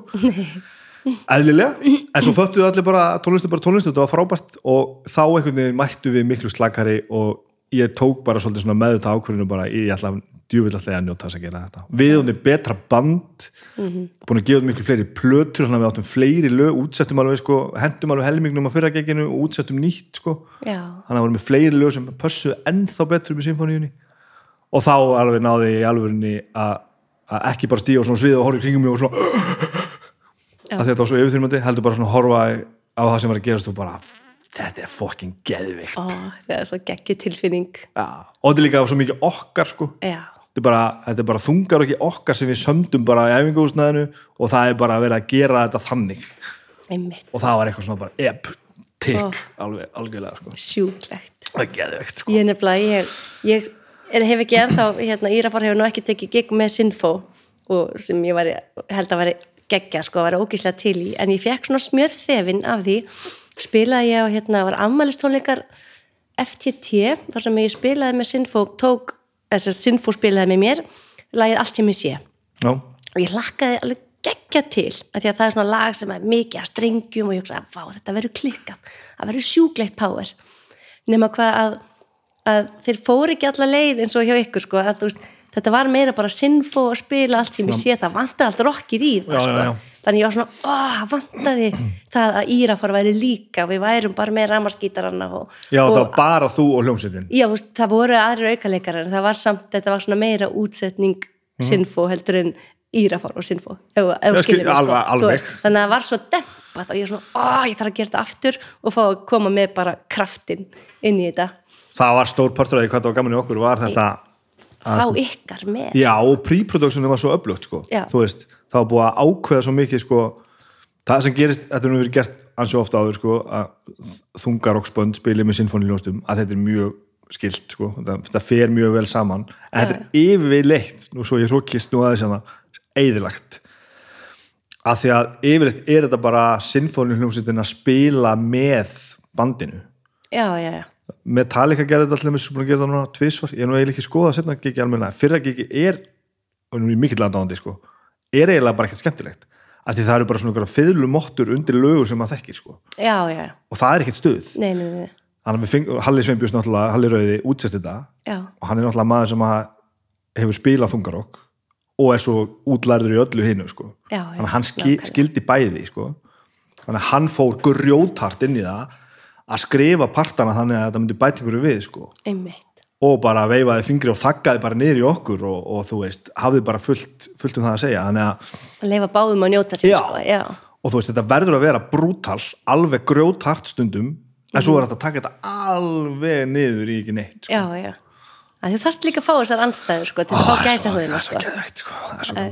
Þannig að já, ég held að þetta væri ekki svona frábært nema að því að það var gengið mjög hart inn í að upphafi eins og þú ert að segja já, varði þetta svona. Þú veist, það Já, vissu allir bara, þetta verður að vera svona sko. við þurfum þennan mannskap og þetta verður að vera svona því við nennum ekki hinnu sko. Nei, nei, nei, nákvæmlega, það er ekki þið. Nei. en Írafól myndi alveg passa með, með, með hljómsveit, það myndi alveg virka Íra, já, ég held að vera ógæslega töff ef að Íra fór og sinn fór tækja einhvern tíðan gikk saman sko. já. það er aldrei að vita, aldrei að segja aldrei nei, nei, þess að við erum, við erum með mjög stórar útsetningar í mörgur lögum Já, ég ætla að segja, þetta er, ekkit, að- þetta er ekkit bara eitthvað, þú veist, e- einhver basic poplög svona pródusum á þessu. Nei, það er alveg svona skemmtilegir hérna, uppbrot og, og strengir og alls konar útsetningar sem að væri gaman að leika sig með sko, og gera ennþá meira úr sko. en aldrei að vita ég, hérna, það er ekki að dasgrá, ég veit ekki á hverju voru að tala með núna en, hérna, en kannski er ég að senda eitthvað út í alheiminn, ha, hver veit? Ég myndi koma, alveg maður, alveg allavega, sko. Hérna, húsavík meira, um, og þú endist þannig fram í, hvað, einhver fram, framhaldsskóla ár, ég fatt að ég er náttúrulega, þú nefna þetta áfall alltaf á tvissar, ég er svona búin að skauta fram hjá það því að ég þekki nú kannski aðeins betur heldur en margar sem ég tala við, þannig ég veit náttúrulega um Já. hvað er að ræða, sko. já. Hvað ertu gömulega bróðin þér? uh, Ég missi bróði minn þegar ég er 14 ára 13-14, já Og þú ert vantur að tala um það, það 14. áfall og það hafi svona breytt þessu sem að, já. Já, það gerði það sko, hann hérna þannig að þá er hann 18 ára og hérna og hann er svona svolítið gaman að að- gaman að segja frá því að, hérna, að ég hef svo góða minningar með honum því hann var svo mikil þungar okkar sko. Ég veit, það Hann er, var, já, ég, ég þekkt hann, sko. Já, er það? Já. Hann hérna hann var með ramaskítarinn og spilandi þungarokki inn í herbyggi alveg endalist og gaf mér mína fyrstu plötur og svona, þú veist, þannig að hérna að ég held að ég fengi svona smá það er smá rockar í mér og það er honum að þakka sko. Já, já. þannig hérna og var í hljómsveitum og eitthvað það hefði nú verið gaman að sjá hvar hann hefði endað Já, algjörlega. en hann sem sagt hérna er átjónara og, og þegar hann tekur sitt líf Já. og það er bara rosalegur pakki og mjög erfitt fyrir, fyrir 14 ára úling sem veit ekki alveg hver hann er er ekki batn og ekki fullorinn þetta er, svona, þetta er mjög erfiður aldur held ég til að, að lenda í svona áfalli sko. þannig að hérna þannig að þar misti ég svolítið fótana bara að, hérna, og svona þú veist líf mitt var bara öllu var kift undir fótunum á mér þarna á einu auga bræði og tók bara tíma að pústlaði öllu saman aftur Mm. þannig að hérna og, og það, þetta áfall hefur gert mig að þeirri manneski sem ég er í dag og eins og ég segja allt hérna ég held að það hafi litað mitt líf rosalega mikið. Auðvitað er ég líka Birgitar sem að var barnið en þetta gerði bara ég þurfti ég þurfti mikla vinnu, mikinn kjark og þólum að að vinna úr þessu og koma mér bara heilsu samlega bara á rétt, rétta braut sko, skilur þú veist, þannig að þarna þurfti ég kannski bara ung að taka mig í gegn sko. Og gerir maður það þegar maður er 14 ára? Nei, nei, getur maður það eitthvað? nei. Ég var alveg hérna þetta var hérna mjög sérstætt og erfitt að tala um svona. En ég ætla að gera það núna vegna þess að hérna ég veit að þú eru upplegað það sama að, að missa ástvinn svona frá þér. Og, hérna, og núna er náttúrulega sjálfsvíkstíðinni svo svakalega há Já. akkurat í augnablikinu en kannski bara kannski er mér ætlað að tala um þetta hérna hjá þér. En hérna en að vera 14 ára og þú veist sjá fóreldra sína algjörlega niðurbrotna. Og eiga litla systur sem er 6 ára og vilja passa upp á að hún svona, veist, taki ekki eftir nynni, ég ætla ekki að segja það en bara ég er lett líf þá svolítið kynnti ég bara. Já, og ég ákvað bara, var bara svolítið sterk og veist, reyndi eins og ég gat að sína ekki á mér neitt bug, sko. Þannig að hérna sem er náttúrulega versta sem það getur gert þú veist, Já. og það er bara það er hérna, þannig að ég reyndi bara að gera allt sem ég þess að vera sterk og vera, vildi ekki vera að gráta mikið frá mömmu og pappa eða sýsti mína eða vera bara passa upp að þeir sem voru brotnir þeim liði betur, sko. Já, er ekki að íþingja hinnum Já, vildi ekki Já. vera að íþingja þeim með að ég, að mér liði líkilla. Og hérna að því að það er svo það er svo sérstakt að klettarnir í þínu lífi að sjá þá brotna. Að sjá sko fóreldra sína brotna niður þú veist þá hugsa þú bara, og, og hvað með mig? Þú veist, þá lít ég bara að vera að deyja. Vá, skilur, þetta er, þetta er svo ótrúlega skrítin tilfinning sem barn. Þannig ég bara tók bara nefan á þetta og ég hef upplifað læt alls konar áföllum æfuna, ég hef bara aldrei leitt hugan að þessu ég hef aldrei hugsað út í þetta. Þetta er, er skrítið sko. Er hérna og, og maður fattar þetta eðlilega ekkit almennilega sko, sem krakki. En ég fór bara á nefanum bara ég skal sína þeim að ég get alveg verið sterk og við getum þetta saman og, og ég veit að grét ég en reyndi að gera það bara algjörlega svona ein með sjálfur mér þannig að ég væri ekki að láta einhverjum öðrum líði illa með það. Og það bara, já, það mótaði mig alveg ótrúlega mikið. Þetta, þú veist, þetta tók mig alveg tók mig alveg þrjú, fjögur ár að, svona að fungera, vegna þess að þetta tók mig sko, þetta tók heilsuna mína. Það var það sem að ég áttaði mikið á þarna er að, að þú bæli svona svakalega mikið niður tilfinningar að þá fyrir líka mér bara klikka. Já, bara, bara líkamni heisa já, já, já, þannig að, að einhverjum einu, tveimur árum síðar þá bara fer heilsan mín og hérna og þannig að það heldur áfram þetta erfiða svona tímabil, þú veist, þar sem ég er ennþá að reyna að fóta mig og nægi ekki alveg fótfestu í lífinu, sko. Hversas, hvernig heilsu brestur þú það? bara, ég lendi bara í svona miklum heilsubresti, þess að taugakerfi mitt eiginlega bara hálf, hálf sundi ég bara lendi í miklum krömpum og yfirliðum og, og var endalust í einhverjum rannsóknum reyna að finna hvað það væri. Og svo í dag Vitið segja, það? tengdi enginn við? Vá, það tengd enginn þarna. Þannig ég var í endalus um einhverjum heilaskornum og hjartalínuritum og blóð, þú veist bara það er eitthvað í gangi, við vitum ekki hvað það er. En svo fattaði maður eftir á að, að Í- þegar mér fyrir að batna þá er ég komin á einhver lif og svona sem hjálpa mér en það er líka því að það sem hjálpa mér að batna er líka bara því að hausin og taugagerfi er bara að tjastla sér saman aftur. Jú, erum við komin langt á stuttum tíma. Ég meina, í dag var þetta bara fyrsta sem að allir læknar myndu benda á bara, Já, þetta er, svo, þetta er svo magna, það er nefnilega, þarna var ekkert, það var ekkert kerfi, skilur. Það tók mig enginn og spjallaði við mig í skólanum, eina og sér, skilur, ég bara mætti í skólan með öll augun á mér og allir vissu hvað gerðist og allir vildu spurja þorði ekki og allt þetta bara eðlilegt sem krakkar eru. Og tók mig enginn kennari bara, Birgitta, nú skulum við aðeins ræða, hvernig líði þér, hvernig viltu hafa þetta, eða skilur, bara var, einhverja þetta aldrei, meðferð. var þetta aldrei gert? Ekkert? Nei, ég man, mamma fór með mig einu sinni eða tvisar til akurirar til sálfræðings að því einhver hafi bent henni á að það væri gott, eðlilega. Nema þar var ég bara á því tímabili sem ég var nefanum sko, Já. en hann fekk ekkert út í mér sko. Og, og sótt ekkert í það að fá mig aftur sem er alltaf mjög skrítið líka. Æ, þú veist, þetta er bara þetta breytti tímar og hérna í dag er náttúrulega bara einhver áfalla teimi sem taka, við úst, ég veit alveg að það er ekki bara ég, fóreldri mínir fengu prestin og einhverja hjálp en eflust ekki þá hjálp sem að þau þyr, höfðu þurft sko Nei. og er vonandi í dag Já, ég held það. lendir í svona sko. Þetta, þau þurfti bara sjálfa að leita sér. Ég man líka að þetta gerðist sko. Það voru fleiri sem fóru hann stuttum tíma á húsa þetta var náttúrulega bara hann einhver tími sem að gjössamlega reyði yfir og, og lamaði hans sem Já. margt sko, litaði tíman ég man nú mest eftir þegar að bróðin dó sko. Já, við nefnilega höfum verið að, að, að spila saman Sinclair Spectrum.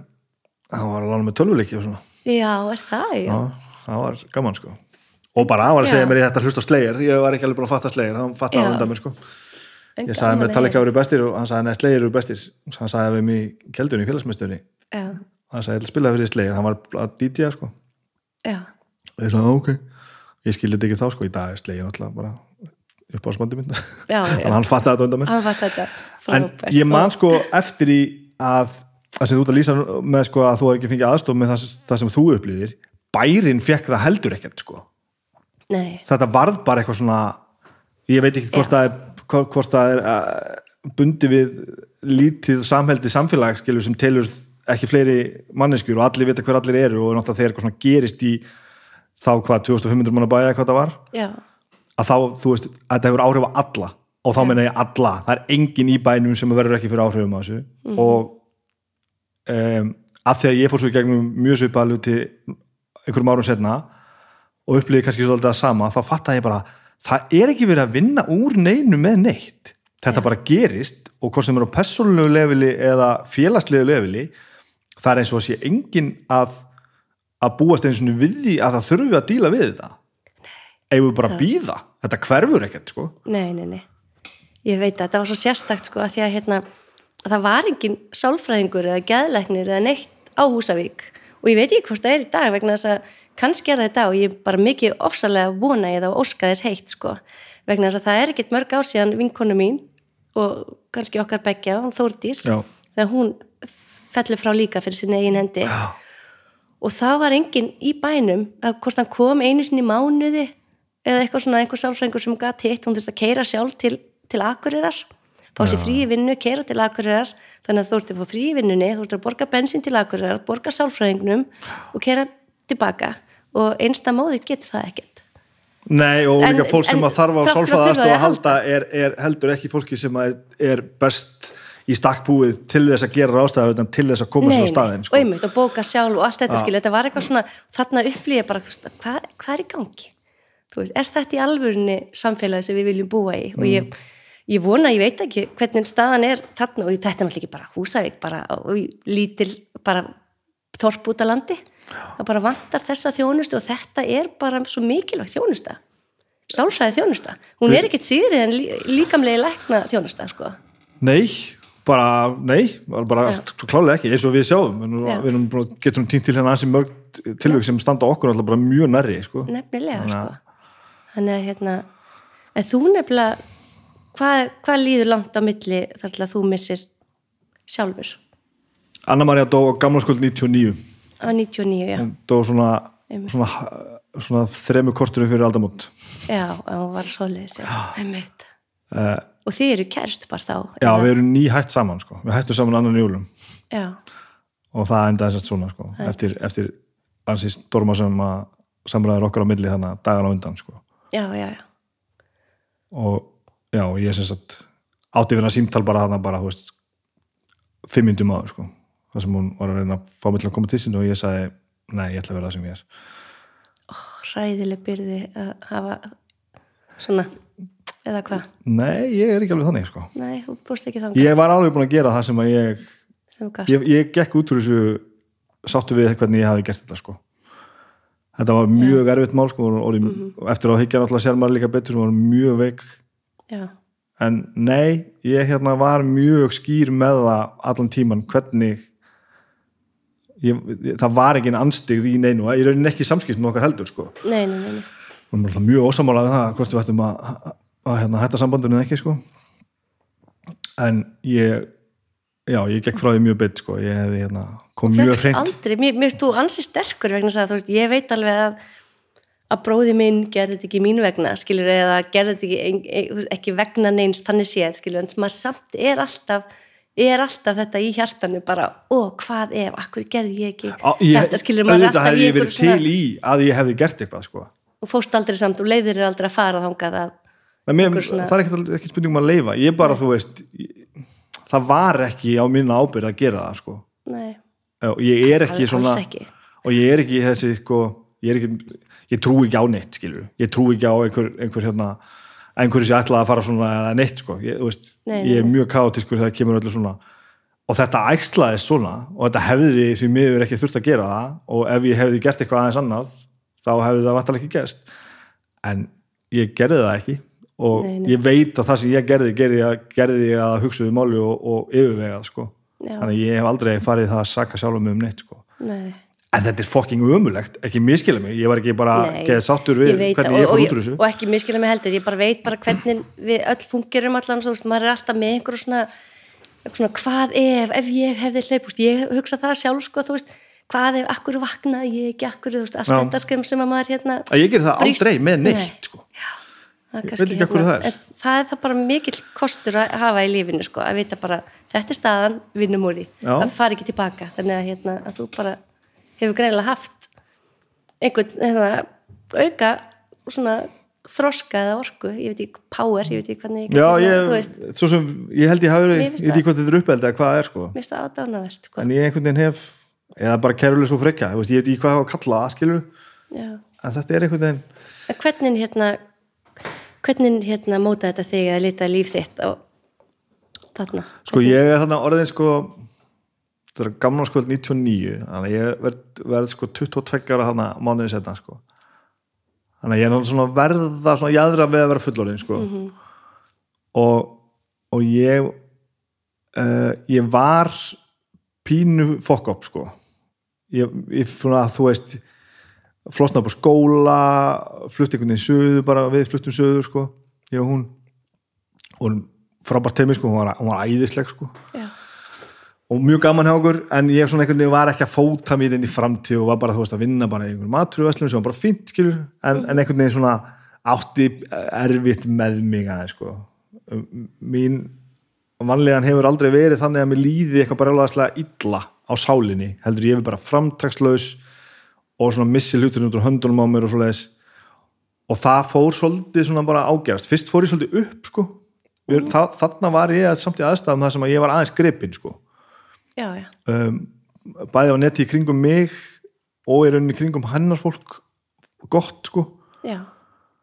Uh, og þannig að það var svona þetta var ekki, ég þurfti ekki að berjast í þessu einn einhvern veginn. Mm. og þetta fór svona einhvern, einhvern farveg og mjög góða vini sem einhvern veginn svona við dílum við þetta svolítið saman sko. Þannig að ég fór eiginlega fyrst svona svolítið upp á við sko en svo finn ég að sagt, og er að fatta eftir þessum ári líða að svo fór ég í svolítið frífól sko. Já, já og það var eiginlega bara svona já, já, mér er eiginlega bara svolítið samum allt sko. Ekkert á slæman hátt en bara svona ný.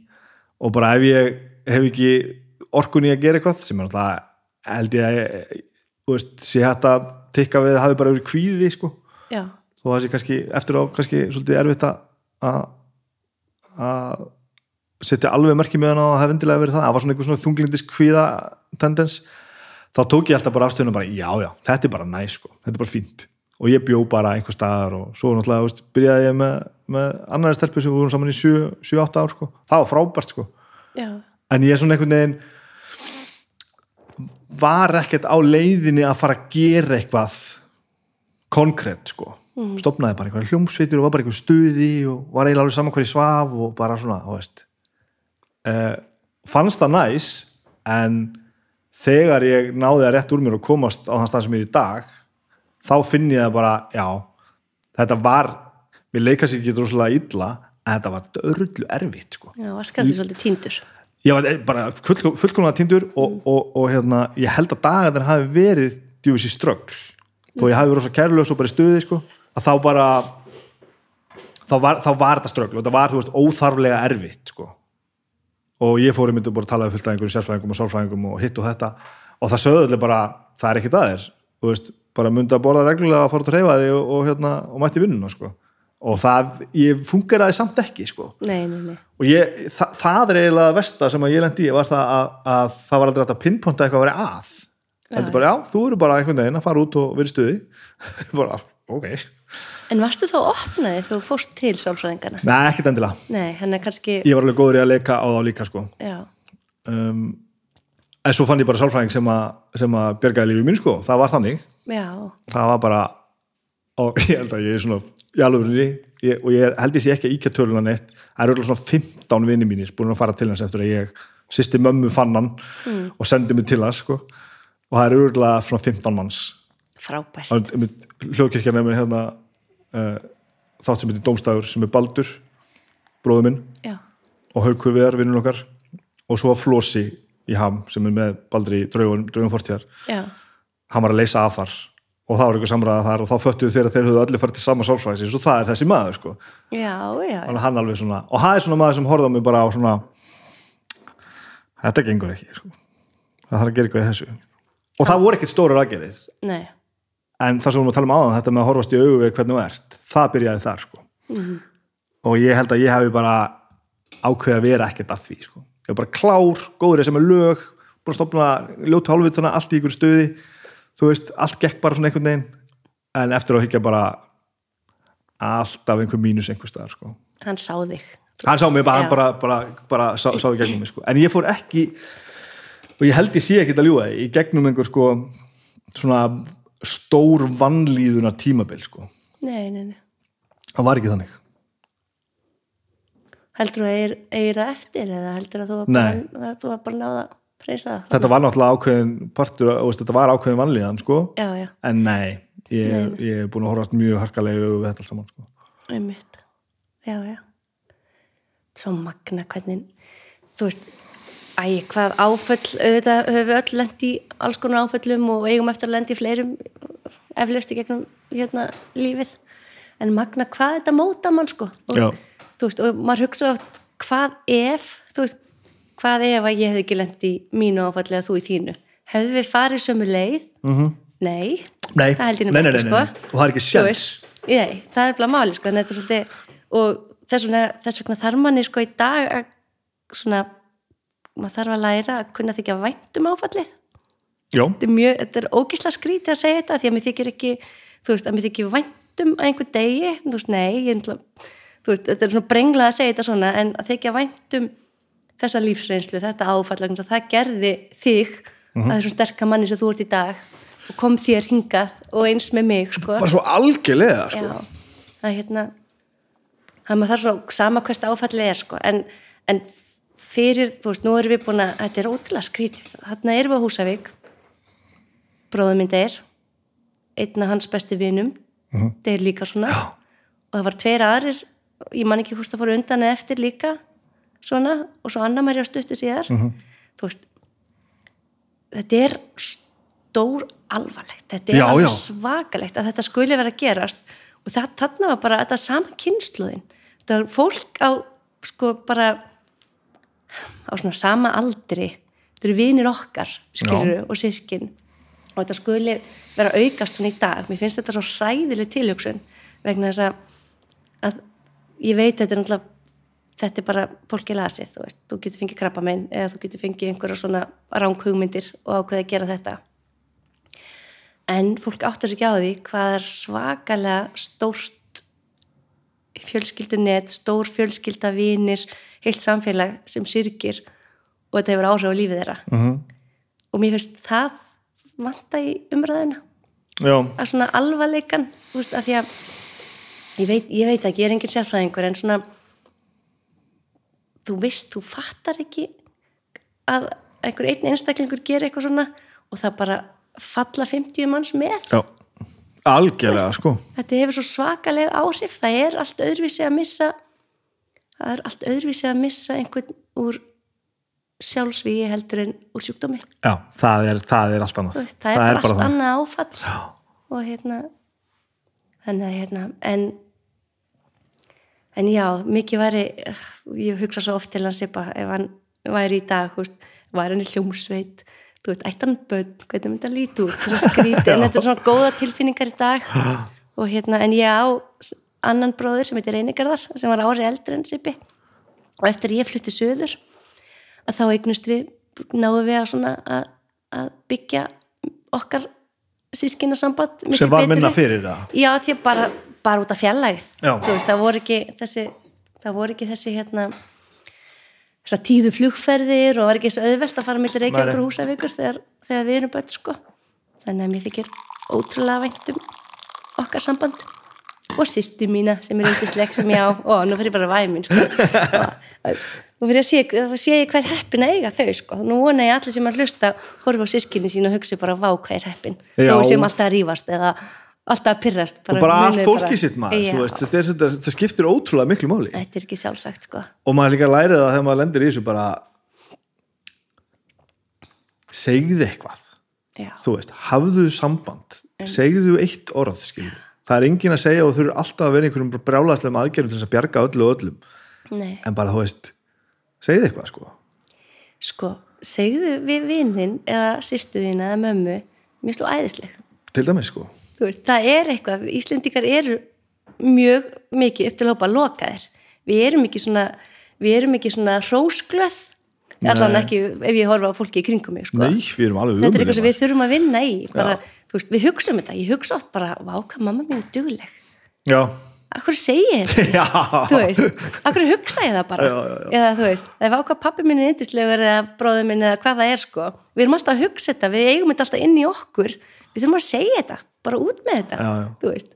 Þetta er frábær þáttur hérna hjá þér. Það er gott að sita hérna hjá þér og spjalla við þig. Þú, veist, nú, ég er að akkurat. hugsa þetta, nú bara veit ég að segja þetta. Já, akkurat. Takk, hérna, og þetta er alveg þetta er, þetta er ótrúlega satt að bara og þessi litlu hlutir sko, þú veist. Maður hefur séð bara og sérstaklega eftir á, fattar maður bara að fólkinu sem líður vest, hvað þetta getur verið stórt mál sko, já, bara hefur mér er ekkert sam um þig sko, veist ég ætla ekki að fara að bera þig hérna til sálfræðis alla daga, en hei þetta, þú veist, þetta hérna mér er ekki sama sko, Já. og þetta þarf heldur ekki að vera svona, þegar fólk verður að halda að rosalega sárt að sjá vinni sína fara að trúa því að hlutinni geti ekki verið betri. Já, og fólki sitt, það er ægilega sárt sko, og bara að að pikki fólk og bara, herðu, herðu veist, það þarf ekki að vera svona, við getum alveg það er að gera eitthvað í þessu sko, við ráðum sko, þú stjórnar þínu lífi. Já, á endanum, þá er það, þannig hérna, sko. og það er erfitt að segja við einhvern sem að er sem líður illa, eðlilega. Er í einhverju þunglindiskasti eða kvíðakasti, það er erfitt að segja þetta lagast, en það þarf einhver að segja það. Það þarf að segja við megum ekki bara leifa einhverjum að vera heima einhver heima hjá sér í kvíðakasti eða þunglindur, æ, hann er alltaf þungur hann er bara heima, það er einhver að koma og koma aðeins, ítum aðeins í, þetta lagast gefum, gefum peppið. Á, á endanum skila það sér. Hvernig varst þú þá andlegu hliðinni e, árin eftir þetta? Svona þegar að mesta áfalli var farið? Sko, þetta var, það tók mig sem myndi segja, sko, fjögur ár að vera í áfallinu og með svona hilsubrest og, og svona að já, að bara að ná fót hvernig, ég veit ekki hvernig ég geti orðað þetta sko, hann ég myndi segja þetta hafi verið fjögur ár alveg ef, eða bara fimm þangað til að ég náði að setja fætunar aftur niður á jörðina. Og bara, pff, ok þú getur þetta, það er hérna það er hérna það er bara fyrst hægri fram og svo vinstri og þetta reddast skilur við, það tók mig alveg þennan tíma í að lenda aftur á jörðinni sko Og hvað Og- meinar þá að sé að gerast í millitíðinni? Ertu þá ekki að bara, meina, þú ert ekki að flóst upp á skóla? Eða? ég er ekki að finna mig bara þú veist, ég er, ég er bara bæði, þú veist, bæði bara andlega, heilsufarslega átti erfitt með að, svona finna mig í skóla þú veist, ég, ég er góðu námsmaður en þetta trublaði mig ég, ég svona var 82 ára sem mér bara gekk illa Já, og ég í- það farið alveg þangað. já, það fór alveg þangað sko. Og hérna, svo fer ég í framháskólinu laugum og hérna og það var, sem er bara sem fólk kannski veit ekki, er bara 40 myndum frá Húsavík, þú veist, þannig að byrja, akkur þetta ekki bara framháskólinu Húsavík? En það var svo yfirþyrmandi fyrir mig að vera á Húsavík á þessum tíma. Þetta er sérstækt að segja sko. Og hérna, og ég, og ég fattaði ekki þá en ég veit það í dag og sé akkurju ég gerði vissa hluti sko bara að vera í framháskólum Húsavík það var bara stöðugt verið að kýla mig í brjóstið þú veist, af því að veist, það var bara stöðugar minningar og þungtloft og bara sorgin hendist, heldist svo mikið yfir mig þar þannig ég náði ekki að fungera þar Og svona lengi. já, þú veist, ég meina 16 ára Já.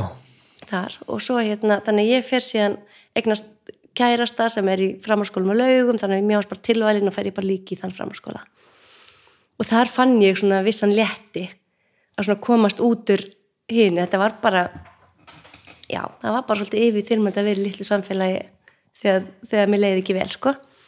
Og hérna fer í framháskólum og laugum og þá, þar finn ég, það er svona smá sem mann fer ég að fungera betur, sko. Þú veist, það var svona aðeins það var æðislegi kennarðar sem að hérna ég tengdi vel við og fann svona ok, ég get einbætt mér, ég get lært. Og hérna en var, var ekki samt komið með heilsu fulla þá en, en smá saman gerist það og ég, og ég segi það núna og ég hef oft hugsað að, að tónlistin bjargaði mér, kom mér á, kom mér í fókus.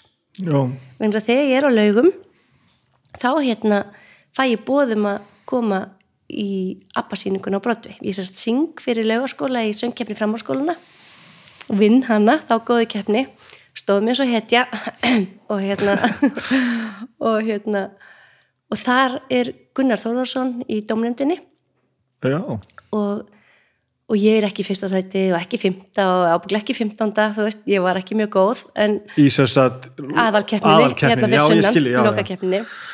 Hérna en, en hann sér eitthvað í mér og hérna og man eftir mig þegar hann er að fara að setja upp appasýninguna á Broadway og hefur samband. Séður skratti, ég vil þetta vel gerst þetta er ekki magna og hann ringir í mig til húsæfingur, þá er ég á mömmu pappa og, og ringir og tala um mömmu pappa og fæ leiði, spyr hvort dóttir er að megi komi í appasýninguna á Broadway. Og þú veist, þarna er ég bara 17 ára, þú veist. En þetta er, þetta er risastökk. Rosalegt, sko. Þa, það er ekkert mikil, mikil brú þarna á milli að hafa unnið lokal söngkeppnina og farið eitthvað söður að keppna og fara svo bara sjó á Broadway? Nei, nei, þetta var alveg bara þetta var rosalega svona, þetta var geggju upplifun og ég man bara hvað ég var brjálaslega spennt og bara mamma, bara vilt, bara vilt vera svo væn, leifðu mér. Þú veist ég, þeim fannst náttúrulega ekki sjálfsagt að vera að senda mér alltaf söður hitta eitthvað tónlistafólk og vera einhverju sýningu sko, en þau ákveða hérna treysta honum fyrir þessu verkefni og, og mér og hérna og það endar þannig ég fyrir ringa söður í æfingaferli og svo flý ég bara, er ég í laugaskóla og flýg um helgar söður að sína wow. og er þá sína á föstum og lögatum og geri þetta í nokkara mánu og svo var alltaf komin að síningar á miðvíkudögum það var komin í svona ferðamenn sem að vildi fá svona miðvíkudags og fimmtudagsjó og þá náttúrulega var, gæti ég ekki alveg verið í skólanum þannig ég fann að skólinn átti ekki hugminn sko, heldur tónlistin. Þannig að hérna þannig ég enda með því bara að segja bara, ég er hætt ég ætla að flytja bara í borgina og, og syngja. Og ég er átján þegar ég flytt fer bara úr legaskóla og, og lega í kópavænum kaupi mér plastsofasett átti ekki krónu eða húsgögn. Og hérna að mála íbúðina mína litrika þannig að það síndist þess að það væri eitthvað henni. Og var bara farin að vera í fulla starfi að syngja á brotvi og það er bara svo bara gerist þetta allt og þetta var það mikið þetta var fullt, fullt jobb? Sko, þetta held mér uppi. Já, ég veist, það. Já, þetta voru þrjár stundu fjórar sýningar í viku þú veist, þannig að þetta held mér leigunni minnu og bílnu mínum og, og ég viðkynna það að ég borðaði mikið af svona frosnum frönskum. Kemur bónusfranskar sett í opnin það var mjög ótt kvöldmaturinn minn og korflex þannig að ég lifði svolítið á þessu. Já.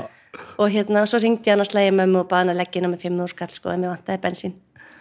En svona, þetta virkaði alveg í einhverja mánuði og ár. Sko. og fannstu þá bara eitthvað dræfa að þú varst alveg klár í þennan pakka bara? Já, bara óslega til í þetta. Og, og þarna, ég, og ég hugsa sko því að tónlistin bjargaði mér svona, finnst mér sko, hún bjargaði mér ekki sko eins og ég hafa verið að fara að deyja eða eitthvað, en svona, hún kom mér í fókus og hún, ég náði einhverju svona fætunni fórun á jörðina, ég náði fókus ég hugsaði, ok, ég get þetta veist, ég get þetta sjálf. Og fannstu það þá að, að þú veist, þú varst að ná þér eða sem Já. sagt, já, að þú hefur þú hefur sagt á einhverju lefur allavega áttaði á því að þú varst að ströggla í kjölfarið á bróðin dó? Já, já, já. Og, og fyrstu, fyrstu vikundar mánuðina hérna fyrir sunnan þá er ég ennþá að klára klára svona, að ég tek svolítið svona sorgarferli út þarna svolítið síðan meir sko. Og hérna, svona löngu setna já svona smá saman, já. Þá svona byrja ég að, að svona að, að gráta almennilega og, komu svo, komu svo frá mér sko. Hvernig er það svona mörgum mánum setna það hérna það fylgir því svolítið skömm sem er skrítið að segja. Vegna þess að þér finnst þú ekki að vera að gráta eitthvað sem gerðist fyrir svona löngu síðan. Mm. mjög skrítið. Þannig að, að ég vildi ekki gráta því að mér, ég skammaðist mér fyrir að vera gráta sem bat skilur því ég vildi vera sterk og sína öllum að allt vera lægi og svo því ég þurfti að gráta og koma svo öllu frá mér áfallinu að þá skamma ég með hans fyrir það vegna að það eru komin bara hérna fjögur ár síðan hann dó, hvað er þetta að væla Þú núna? ert bara betri en þetta og átt að vera búin að jafna þig Já, bara, hvað ertu, þú veist, þetta er ógislega skríti hvernig hausinn á manni virkar, sko. En ég kem þessu bara svona frá mér og þessum tíma og ekkert eitthvað eitt aðvík sem eða skilur þetta bara svona smá saman. En svolítið þú bara í einrúmi að losa hlutinu út bara Já, og bara, þú veist, já, kannski með vinum eða kærustum eða eitthvað, náði ég að tala, tala um þetta og hreinsa mig, sko, en ekki með neittni sálfræði hjálp eða neittni svoleið, sko. En svo kem ég hérna söður, ég fann að leiða mér íbúð, já, bíl og er að vinna sem söngkona og, hugsa, og þá hugsa ég bara, þetta verður alltaf lægi, þú getur þetta. Þú þart engan, þú getur þetta sjálf. Eitthvað sem þú varst ekkit endilega að klára á eyrið þannig Já, að ég það ekki, ég þú- ekki við mig, sko. Já, ég var bara, það- já, ég bara Þetta hefði missti mögulega fótanna. bara ekkit geta hefði bara mögulega farið þá leið að hefði bara ekkit komist yfir þetta Já, maður veit aldrei. En þið leið þannig já, á yfir já, Ég, já, ég bara ég náði ekki fókus, ég bara gat ekki þú veist, það var bara allt í bara tögakerfi mitt og líka minn og hausina var bara ekki það var bara ekki að virka og hérna og já, hérna, hérna Þetta er mjög merkilegt sko. Mhm. hafandi þú veist, verið svona nálætt í þegar þetta gerist og þó Já. þetta nálætt er eftir þetta þó við höfum náttúrulega alls ekki verið einhver, einhver vinnir og í daglegu sambandi Já. þá er þetta alltaf eitthvað sem ég hefði aldrei giskað á sko. ég hefði einhvern veginn giskað á bara já, þú veist bara þetta, þetta gerist og, og það er eins og það er og þú hefði bara svona unnið úr því og farið svo bara svona einhverja að því þú er örgulega mjög talendið og með svona það sem þarf til þess að gera það sem á að gera að þú hefði svo bara, ja, og ég er búin að ákveða það að ég ætla að verða tónlistakona eða eitthvað já, en þetta er sem sagt þa- þarna er einhver, einhver ár sem ég hefði bara aldrei giskað að væri svona sko. og ég held að viti þetta mjög fáir sko, skilur ég, ég bara það er kannski bara, maðurinn minn og, og foreldrar skilur sem, sem voru með mér aðalega foreldrar mínir sem voru með mér í svona þessari syngiðu sko, að reyna að koma mér til heilsu, þú veist, þannig að hérna, að því að eins og ég segja, þá það var enginn að fatta að þetta geti verið bara tögakerfi rugli, að þú veist að hérna, að ég væri mig líkamlega enginn út af því sem að í dag er maður bara svona að, þú veist, Já. augljóst. En hérna þannig já, þetta var bara, þetta var pakki og, og þetta voru svolítið, samt svolítið gott sko, mér, ég pínur hrætt við að vera að tala með þetta hérna sko, að því að við veit að margar hrættir um hvað er margir eftir að hlusta og dæma og eitthvað svona. En í leiðinni er þetta líka að hreinsand að segja þetta. Því að alltaf því ég talaði um þetta að hugsa til þessa tíma þá hef ég fengið svona, svona eins og einhver tæki utan um mig hálstæki þess að kirkja mér sko. Að þetta voru bara verstu ár já. það voru bara komið bara fjögur ár sem voru bara martröð þú veist, þegar ég hugsa tilbaka. Þannig að hérna þannig ég hef svona, það er gott að geta sagt þetta hérna og ég er ekki það er enginn að kirkja mig. Nei, þó mér líði ekki dásamlega að tala um þetta þá samt veit ég að þetta er gott vegna að, að þú veist, við erum öll með eitthvað, við erum öll að burðast með eitthvað, hvort sem að er lífsreynsla og verkefni. Og hérna, við erum öll bara mennsk. Nærðu ekki hérna ég ætla ekki að fara, fara að setja hugsanir ofan eða sko. Um, nærðu að taka út úr þessu þú veist ég veit ekki hvernig ég orða þetta sigurinn að að komist yfir þetta af því þess að sem, maður, sem ég hef lent í sko, sem er, maður vildi óskaði sem maður hefði ekki lent í að það er svo mikið sko bæðið að sigrast á erfileikunum og líka bara sko ef eitthvað svona stórt kemur fyrir þig það er svo margt sem þú upplifir sem að er ekki hægt að upplifa öðruvísi for better or for worse skilur, það er skelfilegt en þú enga síður innan gæsla bara fegst að upplifa þetta og það hefur reynst mér svo, svo ég noti þetta hræðilega orð gaman að taka þessa reynslu sem að engin annar eða fáir fá að upplifa og gera eitthvað með hana sko. Að leifa þessu slæma að eiga líka góður hliðarna sko. Bara ok, þetta er það sem ég þurft að díla við og sem betur fyrir komst ég í gegnum það. Það sem ég er búin að læra á því og, veist, og, og sjá er þetta og þetta og þetta og þetta. Og, og þú veist það gefur mér svo mikið að þú veist, eins og þú ert að segja að taka hana fjögra ára bara myrku tímabil sem þú stígur svo einhvern veginn út úr sko, að geta hort tilbaka og bara djöfull, þú veist, gerðist mikið á þessum tíma og djöfull lærði ég mikið að því sem ég gerði og upplifir þú þetta?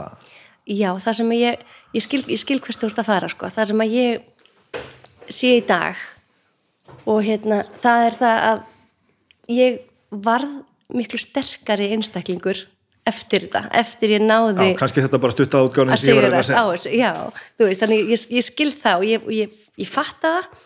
Og þetta sjálfströst sem ég hef er, kemur að öllu líkitum út af þessu þessari vinnuminni þessi ár. Já, vegna þess að ég sem bann var bara mjög feimin oft já, og hlétræk, skilur en þarna kem ég bara söður, finn bara að ég geti þetta þú veist, sett nefan í, í borðið og fæturnar í, gólfið og segja, já, Birgitta, þú getur þetta. Þú veist, fyrst þú, fyrst þú gast sigrast á þessu Já, áfalli og, já, og hérna þessu hérna öllu saman. Þetta er svo nákvæmlega sér að menna. Þú, hugsa þetta svo nákvæmlega sér, einmitt þetta sko, bara, þá er allt hitt ekkert mál. Það er búið að henda þessu inn í mig sko, veist, ég verða að vinna úr þessu. Og, og þú veist, þetta er algjörlega júníku upplifun. Og bara ef þú kemst í gegnum þetta og díla við þetta og bara djúvill getur þú tekið margt úr þessu sko. Þú segir að þarna og þú getur allt. Já. þannig að ég hef þú, svolítið farið ég hef svolítið farið bara síðan þá hef ég bara verið með faðminn opinn og bara gert það sem ég langar. Þá hljóma kannski ekki alveg rétt heldur bara hugsa, já, ég ger þetta bara. Að versta sem gerist þá klikkar það. Skilu, það er ekki træðilegt. Já, já, já. þú veist, að feppar þetta verkefni prófa fyrir þessa hljómsveit eða syng þarna býð þetta til eða, þú veist, í vestafalli klikkar það. Og hvað, þú veist Já. ég hef lent í miklu verið hlutum og, og þú veist, það, það var ekkert mál, skilur tekur, tekur eitthvað með, þú veist, eitthvað svona ótta við dauðan eða döðsföll eða eitthvað svoleiðis úr þessu? Já, ég, ég geri það sko. Ég held að, hérna, og ég held að það sé mjög ég held að það sé bara eðlilegt og algengt að að það kendi mér svo ungri að lífið var ekki sjálfsagt. Já. þannig að, hérna, að þá horfi ég öðru á fólki mitt. Ég horfi, þú veist og ég, ég, nú er ég ætla bara að tala frá mér ég veit ekki hvernig aðrir horfa á sitt fólk en ég, mig grunar það að ég sé hrættari um mitt fólk, um kannski mína heilsu líka, þú veist, Já. ég er alltaf og maðurum minn hlæðstundum að ég veit ég að hérna að þegar ég er orðin eitthvað svona lasin að slöpp þá er ég bara að googla og ég er að leita þú veist, ég skal finna út úr þessu þú veist, ég er hérna að ég veit að heilsan getur horfið skilur Já, já. ég mista hann einu sinni ég ætla ekki að missa hann aftur, þannig að leiðar eitthvað smáttir í gangi þá ætla ég bara að finna út úr því og bara láta lækni segja mig hvað er að og klárum þetta bara Já, já, þannig að hérna þannig að já, já og tengist þetta á þetta skipulega sprjálaði sem er þér Já, veist. það er nefnilega máli sko. ég misti fótana ég réð ekki við líf mitt skiluru, eftir áfallið í einhver ár og loksins þegar ég náði fókus þá bara búm, búm, nú skulu skipulegja nú ég vita allt verði að vita hvað er fyrir að gera morgun, hvað er fyrir að gera kvöld því ég ætla ekki að missa fókusin ég ætla ekki að missa, þú veist, ég ætla ekki að missa tökin Nei. að ég misti það einu sinni. Og þetta er bara kostur og galli. Veist, ég get hleyja þessu þetta, þetta er ekki að gera neinum neitt Gallin, gallin hlýtur alltaf að vera sá ef maður fer að treysta þessu svo mikið að þú getur ekki tekist á við það þegar að planið breytist. Að því að planið breytist. Það gerir það. sko. Ég veit það og það hefur verið allt í lagi það hefur Já. breyst. Og ég hef alveg, ég hef ekkert hérna ég hef ekki trunið sko. Þannig að hérna þannig já, já, þannig að ég er núna eins og ég sagði fyrir sko að nú kann ég bara, nú þykir mér bara vænt um mína lífsreynslu, mína áföll því að þau komu mér hingað og gerði maður þeirri mannskju sem ég er. Og hérna og, og líka, þú veist, vonandi getið miðla til barnana minna og þú veist, fólksins míns líka bara að það læri fleiri af þessu en ég já, já, af lífinu, skilur þannig að þetta er ekki bara mitt heldur, ég get gefið fleirum af mér og ég meina að semja að, að skrifa veist, þetta kemur allt einhver stað frá skilur það er alveg bara, og ég get alveg sagt að lögin mín og textatni mínir þetta er allt ofur persónlegt sko. Já. þó þú lesir það ekki alltaf í gegn sko. skil, auðvitað er ekki að segja 100% en það er svo mikið hjarta í þeim flestum já, já, já. að það er rosa gleðilög og það er rosa myrklög skilur og það er hérna það er gaman og það er skrítið og þú veist, allar þessar tilfinningar sem er í mínu lögum og okkar veist, það er koma frá mér, frá mínu hjarta sko. Þetta er bensin á tankin, sko. Já. Það er það, þú veist, auðvitað hlýtur að vera miklu áhugaverður að heyra fólk segja frá sem að hefur lent í einhverju. já, já, já, Það er þannig. Og að því við komum aftur inn á þetta með listina, sko. Kvaldi listamæðurinn er alveg, það er alveg ímynd af ástæðu. já, já, þú veist, sá sem er í einhverju hugar kvöl hefur náttúrulega mikla miðla já, já. en það er auðvitað ekki eina leiðin Nei, nei, nei, nei, nákvæmlega, þú getur líka skapað í gleðinni, sko, Það er- ekki bara í ángistinni Já, við sé, við sé það gerast Já, já, já. Þannig að það er svolítið magna, ég, þú veist, ég, já, já, nefnilega alveg svona svolítið skrýtna myrka texta, en það er, það er koma bara frá myrku tímabilum og myrkun lífsreynslum sem maður hefur sjálfur verið í, sko. En þeir hérna- eru nú samt ekki þannig myrkir að þú sért að semja bara döð á djöful eða þú veist sorgarljóð eða eitthvað svoleiðis, allavega ekki sem að þú ber mikið á borðið eða? Nei, ekkit, ekkit sem ég hef verið eitthvað, nei, ég hef ekki verið að flagga mínu persónulega lífi, persónulega lífi til þess að upphefi lag, eða skilur Nei, mér finnst ekkit að því, skilur og ég get, get gert það en ég hef ekkit notað það, veistu hvað ég veit þú veist, og ég meina ekki illa fyrir en þá sem að textarnir eru aldrei svona þú veist, þeir eru, þeir eru aldrei svona skrimsla ljótir skilur nei, sko ég átti vinkonni sko, bara, mér finnst bara að því við nú erum búin að tala um þessu sjálfsvík svolítið, og ég ætla bara að fá að klára það svolítið. Ég átti vinkonni sem að leiði alveg hræðilegitlega mörg ár. Var bara með þunglindi og kvíða og, og hérna leið vel, fór upp og niður og svona bara eins og þessi sjúkdómur er. Og hérna en átti mjög erfið ár. Og hérna og, og ég samti lag hvernig ég upplýði hana og hérna og svo fjall hún frá fyrir sin eigin hendi. Og það eru lög sem að sem að tengjast henni sem ég á. Og hérna að því hún reyndi oft en tókst ekki og svona og þetta bara hafði svakalega áhrif á mitt líf líka vegna þess að ég hafði ég var svo hættum að missa hana því ég hafði mist og mér var svo óþægilegt að vera í þessu limbói þetta bara var alltaf vekið upp svo hræðilega minningar hjá mér. Þannig að, þannig að hún var svona þar sem ég tólkaði gegnum mínu list meðal andana í nokkur ár. Og ég sem lag sem heiti meðal andana um það að vera fastur einhver staðar í haustnum á þér meðal þess að myrkru anda og þú kemst ekki burtu. Og það er bara komið eitt lag. Og það Já. er bara mín lífsreynsla með henni, ég upplifa hana. Já, annað svona lag sem er líka tengt henni því hún hafði bara svo mikil áhrif á mitt líf þessi ár sko. Og það var texti sem ég gerði við lag með Scorpions hérna Wind of Change. Mm -hmm.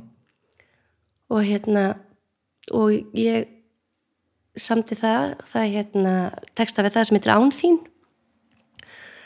Og þar er bara hennar og mín lífsensla þar, þar hafði hún reynd að taka sitt líf. Já, ég er að fatta þetta, ég er að segja þetta þetta er ekki rétt hjá mér, það er alveg það eru textarna sem eru bara eru þarna, svolítið dimmir sko. og þannig er ég bara algjörlega og, og, og, og hún reyndi sérst þarna að taka sitt líf tókst ekki og, og hérna reyndi að fóri sitt bataferli.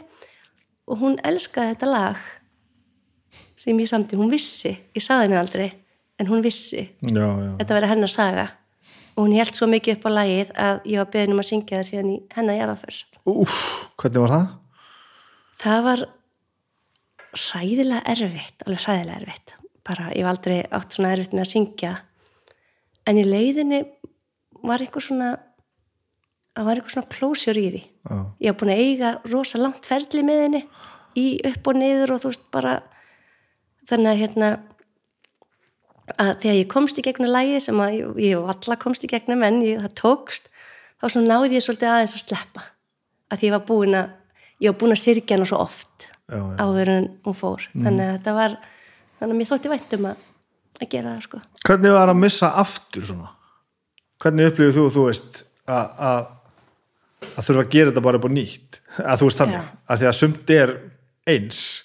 Já, já, einmitt. Ég veit að það það var bara mjög erfitt sko. Það, að því að þetta yfði upp svo mikið þú veist, þetta, þetta yfði upp svo margar tilfinningar og mikla sorg sko að hérna en því já, ég veit ekki alveg hvernig, ég er kannski ekki alveg bara ég er kannski ekki alveg búin ég er kannski ekki alveg búin að vinna mótur því, skilur þau þannig að ég svona, ég átta mig ég er ekki fann að sjá það alveg en þá sko og hérna að því ég var, eins og segi, ég syrg þannig á meðan öllu ferlinu stóð. Þetta Já. voru einhver ár sem hún átti bara var lasin já, þannig að þetta var hérna þannig já, þannig ég er kannski ekki alveg búin að ég, ég, ég get ekki hort tilbaka og sagt hvernig það var því ég bara ennþá að klára það. Já, og er það íþingjandi fyrir þegar þú ert, þú veist, þú finnur að ert í svona ferli eða færi þetta bara að hafa sinn tíma? Nei, og- þetta hefur, já, þetta hefur bara sinn gang, hún hérna var indisleg, indisleg móðir og vinkun og frábær og veist, þú þekkti hérna ótrúlega skemmtileg og lífsglöð Já, líka Já, bara þrátt fyrir svak, sína svakari þótt þrátt fyrir eiga við sína djöfla sem hún burt að berjast við Já, milli. komum við nú líka einu sko. hún, hún var nú kannski einmitt líka frekar uh, skemmtilega sumriði vegna þess að þú Já. veist, þetta tengist allt sko. það var ekkert eðlilegu sprengikraftur sko, sem kom náttúrulega einhver stað frá já, já, já, að einmitt þetta er ekki allt svona slett og felt sko. nei, nei, nei, nei, nei, nei. þannig að hérna þannig að þetta er bara, þú veist já þetta er bara móta mann og lita lífið og hérna maður reynir bara að taka eitthvað gott út úr söllu Þarna nærðu allavega að vera á þeim stað að þú svona veist að þetta hefur bara sinn gang og þú vil svona leifa þess að fara áfram. Já, sko það er líka munur að vera 14 ára. Það er, nú veit ég ekki, hef ekki talað við neina einhverja sorgarráðgjafa eða sálfræðinga um þetta beint, en, en táningar eru svo viðkvæmir, skilur þannig að það er allt annað að missa fullorðin Já, já, en að missa held ég sem táningu vegna þú, þú veist ekki hver þú ert. Þú, hormónarnir eru á miljóni þú ert, þú ert, ert fullorinn einn daginn og þú ert bara þegar finnst þú þryggjara daginn eftir þú veist, þú ert alveg bara, þú veist ekkert hvernig og þetta gera allt í fyrsta skipti líka sko. Já, þú, þú veist ekki hvernig þú... líður, þú kannt ekki að tala um tilfinningar þú veist, þannig hérna og táningar eru svolítið mikið, oft í niðurbroti þú veist, finnst þér ekki að vera svona eða vera hins egin og allt þetta sko bera sér saman með allt og alla Já, og ég held við, held við þekkjum þetta öll sko. Já. Þannig að ég, ég held ég gæti aldrei borið saman að missa á því tímabili eða öðru Nei. sko. Veist, þannig að hérna þannig að en það er kannski, veit ekki mér finnst þið pínur svona stressandi að vera búin að segja þetta allt hérna í einhver svona podcast þetta er mjög, þetta er mjög skrítin tilfinning Hvað er það sko. sem er að stressa þig með það? bara mér finnst svo persónlegt Já, þú veist, þetta er svo þetta er svo, þetta er svo svakalega já, þetta er svo svakalega persónulegt ég hef haldið þessu frá skilur ég ekki, það er eitthvað svona að meðvita að tala ekki um þetta já, svona bara, opinberlega.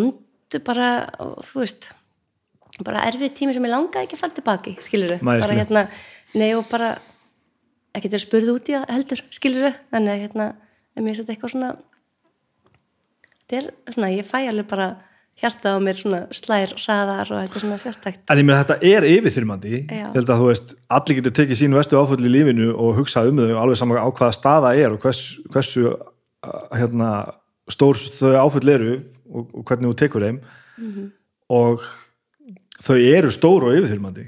Já, en það er svolítið það sem við verðum að díla við. Allavega ég tekið þannig á, á, á mínum málum bara þú veist. Þetta má heldur ekki vera allt flatt sko. nei, veit við verðum að faðma það að sumt er slæmt og annað er Já, gott. og ég geri það sko, það er bara eitthvað svona pínu það er samt skrítið að segja svona hluti fyrir framann alþjóð. Já, já, já, skilur, já, að auðvitað. hérna og ég veit ekki akkur það skrítið, þú veist, er það er það því þú trættur um að vera dæmdur eða er það því þú trættur um að, að fólk horfið öðru sig á því, ég veit ekki hvað það er en það er bara svona m- þú veist, maður er að renna niður og opna á sig bringuna og það er bara útrúlega skrítið sko, ég hérna já, já, maður er ekki að færa á sig sko. Já, hérna, en þetta er bara svona er lífi. Ha, allt í er maður bara komin í eitthvað spjall hérna og opna sig. Hvað hérna, e- ertu orðin fræg á Broadway Erum við fræg á Broadway? Um, þegar þú ert í því nei, nei, nei, nei, nei, nei.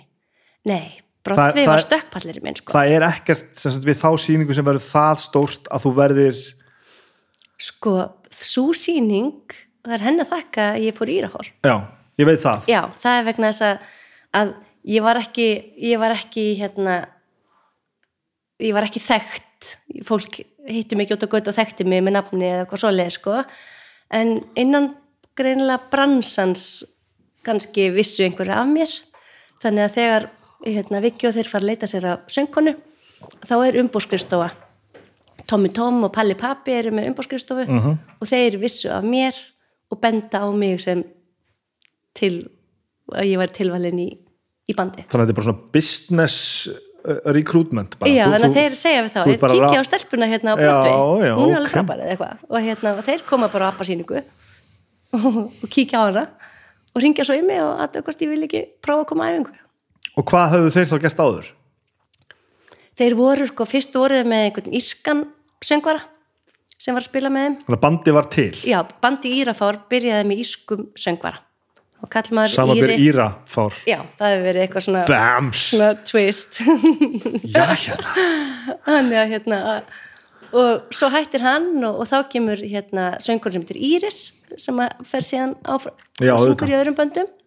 Og hérna og svo hættir hún. Og og þá langaði þá alltaf áfram að spila. En voru ekki búin að gefa út neitt eða Nei, voru bara ennþá, bara svona- svona ennþá að byrja sko. Já, þannig að þeir bjóða mér að koma á æfingu og ég kem bara til þeirra upp í æfinguhúsnaði bara, já, bara kíkjum á þetta. Þeir henda bara í mig möppunni og byrja að spila og ég reyna að syngja það sem ég kann í möppunni þeirra. Og svo bara bara, já, gerum þetta. Það bara passaði. Og hvað gerist þá? þá bara fórum við að æfa.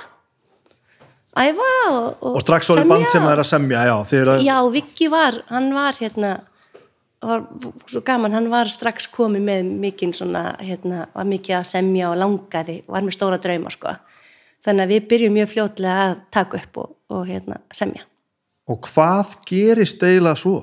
Mér, sko, í, í, í mínum huga er það bara í mínum huga er það bara, þú veist þetta varð allt í hennu bara eitthvað algjert Já. monster Sko, við byrjum fljótlega bara að æfa og, og semja og hérna förum í stúdíu og tökum upp lag sem að ég gerir texta við og Viki átti í sínum svona skúfum sem að hétt Hvar er ég?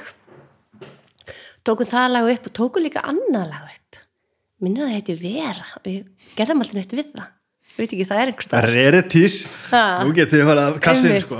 Nú þarf að fara að finna það sko. og hérna og settum það í, í spilun og það fekk bara strax svona, svona góðar viðtökur og við fengum strax svona það var strax verið að kíkja á okkur eða skilur við, fundum strax að við urðum eitthvað svona spennandi þannig að mjög fljótlega voru við bara fann að koma í einhver viðtöl og sjóastætti og eitthvað þrátt fyrir að vera eiginlega ekki neitt eða skilur við, við erum ekki búin að gera neitt sko. þannig að hérna þannig að hérna og lægi fekk var bara til að vinsælt og, og bylgjan verður spennt fyrir okkur og fær okkur með sér á, í bylgjulastina Já, já, já, já. Og nema hvað við erum ekki neitt, eða skilur við erum bara glæni í, skilur upp eitt lag þannig að við erum bara að spila á daginn í bylgjulistinni og hita upp fyrir sálina á bölun þannig að sálinn var bandið sko já. við vorum bara svona, Hva, Hvað bara ár er þetta? Hvað, er, hvað, er, hvað er við? allir séum ekki bara í 2000 Já, aldamóta algjert held það þannig að hérna Og alltaf, þið, þið voru alltaf svona að fara í þennan ballfeeling Já, við vorum bara leiðin þanga, já, við var- bara leiðin þanga, já. Og hérna, þannig að við vorum bara heitið fyrir sálina og spila og við hugsaðum bara, já, förum í bylgjulistan, þetta er fín kynning og bara svona láta sjá okkur og eitthvað. Og það eflust hjálpaði okkur helling, þú veist, það voru ekki samfélagsmiðlar og allt þetta, skilur, það var ekki auðvelt þá að koma ykkur efni á framfæri, sko. Þannig að hérna, og svo bara stuttu síðar þá ákveða að gefa út annar lag, fingur og það verður ennþá Já, vinsast. það er bara hann strax bara. Já, og það er einhverjum mánuðum síðar. Já, já, já. og svo bara svo bara kom ég sjálf og eldur í mér og þau bara þau bara, þau bara greinlega pössuði eitthvað í umhverfið eða fólk var bara til í þetta Ég fór það að þess að hlustaði pínu hittarana hérna bara því að við vorum að að tala saman sko. já, Þeir eru drullu góð lög æ, já, takk Þau eru fyrir drullu, drullu góð Það er eitthvað svona bæðið náttúrulega því ég var í súrrandi mótþróa á þessum tíma sko, og Já. fannst þetta ekki, þetta var ekki tónlistin sem ég ætla að spyrja það með saman við og svo kannski einhvern veginn líka bara þú veist, að ég var líka bara svolítið annar staðar sko, Já, já, já. þetta var ekki bara einhver leiðindi en hérna, ef þú tekur kannski bara, sem þarf ekki að gera þau eru ljómandi við pródúsörðu meira segja sko, en ef þú tekur bara svona bara svona strúktúrlega og bara hvernig þetta er búið til og textarnir hvernig þetta er lagt óna og alls konar svona núansar og bara, herðu, þetta er ekkit alveg svona þetta average pop afsakaðu mikið drastl þú veist, það er eitthvað, eitthvað það er, það er búið að snúa þessu upp á hlutina þarna. Já, kannski var fólk bara svolítið til í það. Kom bara nýtt sound. Já, kom kannski þarna svolítið. Það er eitthvað sem Það er meira þarna sko. það er rosa auðvelt að setja tónmóbílarna við hliðin á. Já, þú veist, en það er kannski líka því að, að, hérna, að Þorvaldur pródúseraði með okkur einhverja, einhverja plötur. Já.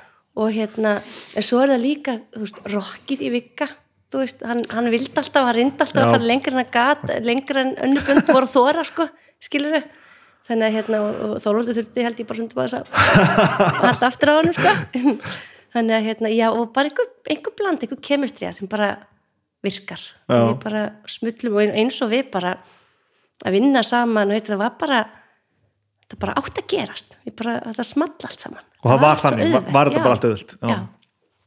þú veist, auðvitað í miklu samstarfi var kom oft einhverju örlitli núansar en ekkert sem hægt er að tala um sko, þú veist, Nei. það var aldrei einhver leiðindi eða rifist eða, þú veist. Það var ekkert, ekkert svoleið sko, þannig að hérna en Viki er náttúrulega bara ótrúlega hæfileikaríkur og það er maður sem ég þekki ekki neitt. Ó, þú þarft að kynna Já, bara- hann er svo yndislegur. Já, ok, ég þarf hann að er sko gull af manni og þú, þú átti þetta að elska hann, sko. Auðvitað algjört multitalent sko, Já. ofbóðslegt séni sko. alltaf séð hann bara svona utanfrá og hann er yndislegur og mér þykir svo vænt um hann sko. ég hérna, hann er sko, það er svo hlýr líka hann er bara yndislegur, það er bara við eigum svo vel saman já, bara, bara- sem er æðislegt og allt, hérna- allt í kringum hann berið þennan þokka sko, hann sé bara það er hérna hann er já, já, þannig að það var rosa gaman. Það er eitt lag sem þú verður að hlusta á sem er uppáhaldslægi mitt með Írafall það er eina lægið sem að fekk ekki spilun á bylginu rás 2 á öllu lögun sem við hefum farið með spilun að það þótti of þungt. Það var ómikið rock og við fórum þá með exið nema náttúrulega exið var ekki að fara að Ah, spila Exið var Írafall náttúrulega í mínu liði, sko, bara ykkur já, já, já, bara, hérna, bara, við hlustum ekki svona á þetta sko.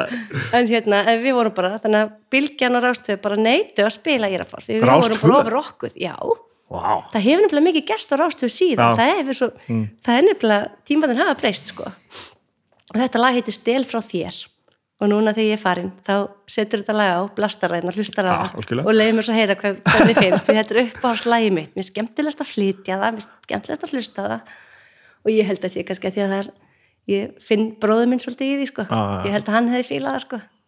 hann var grjót harður sko. já, já, já, hann var mikill rockari og ég var svo yndislega minninga með honum sko. Veist, hann, þó, hann var svona algjör, algjör en samt að mótnana ára fyrir skólan þú veist, við erum að tala um 18, 17, 18 ára strák þá leta hann mig greiða sér.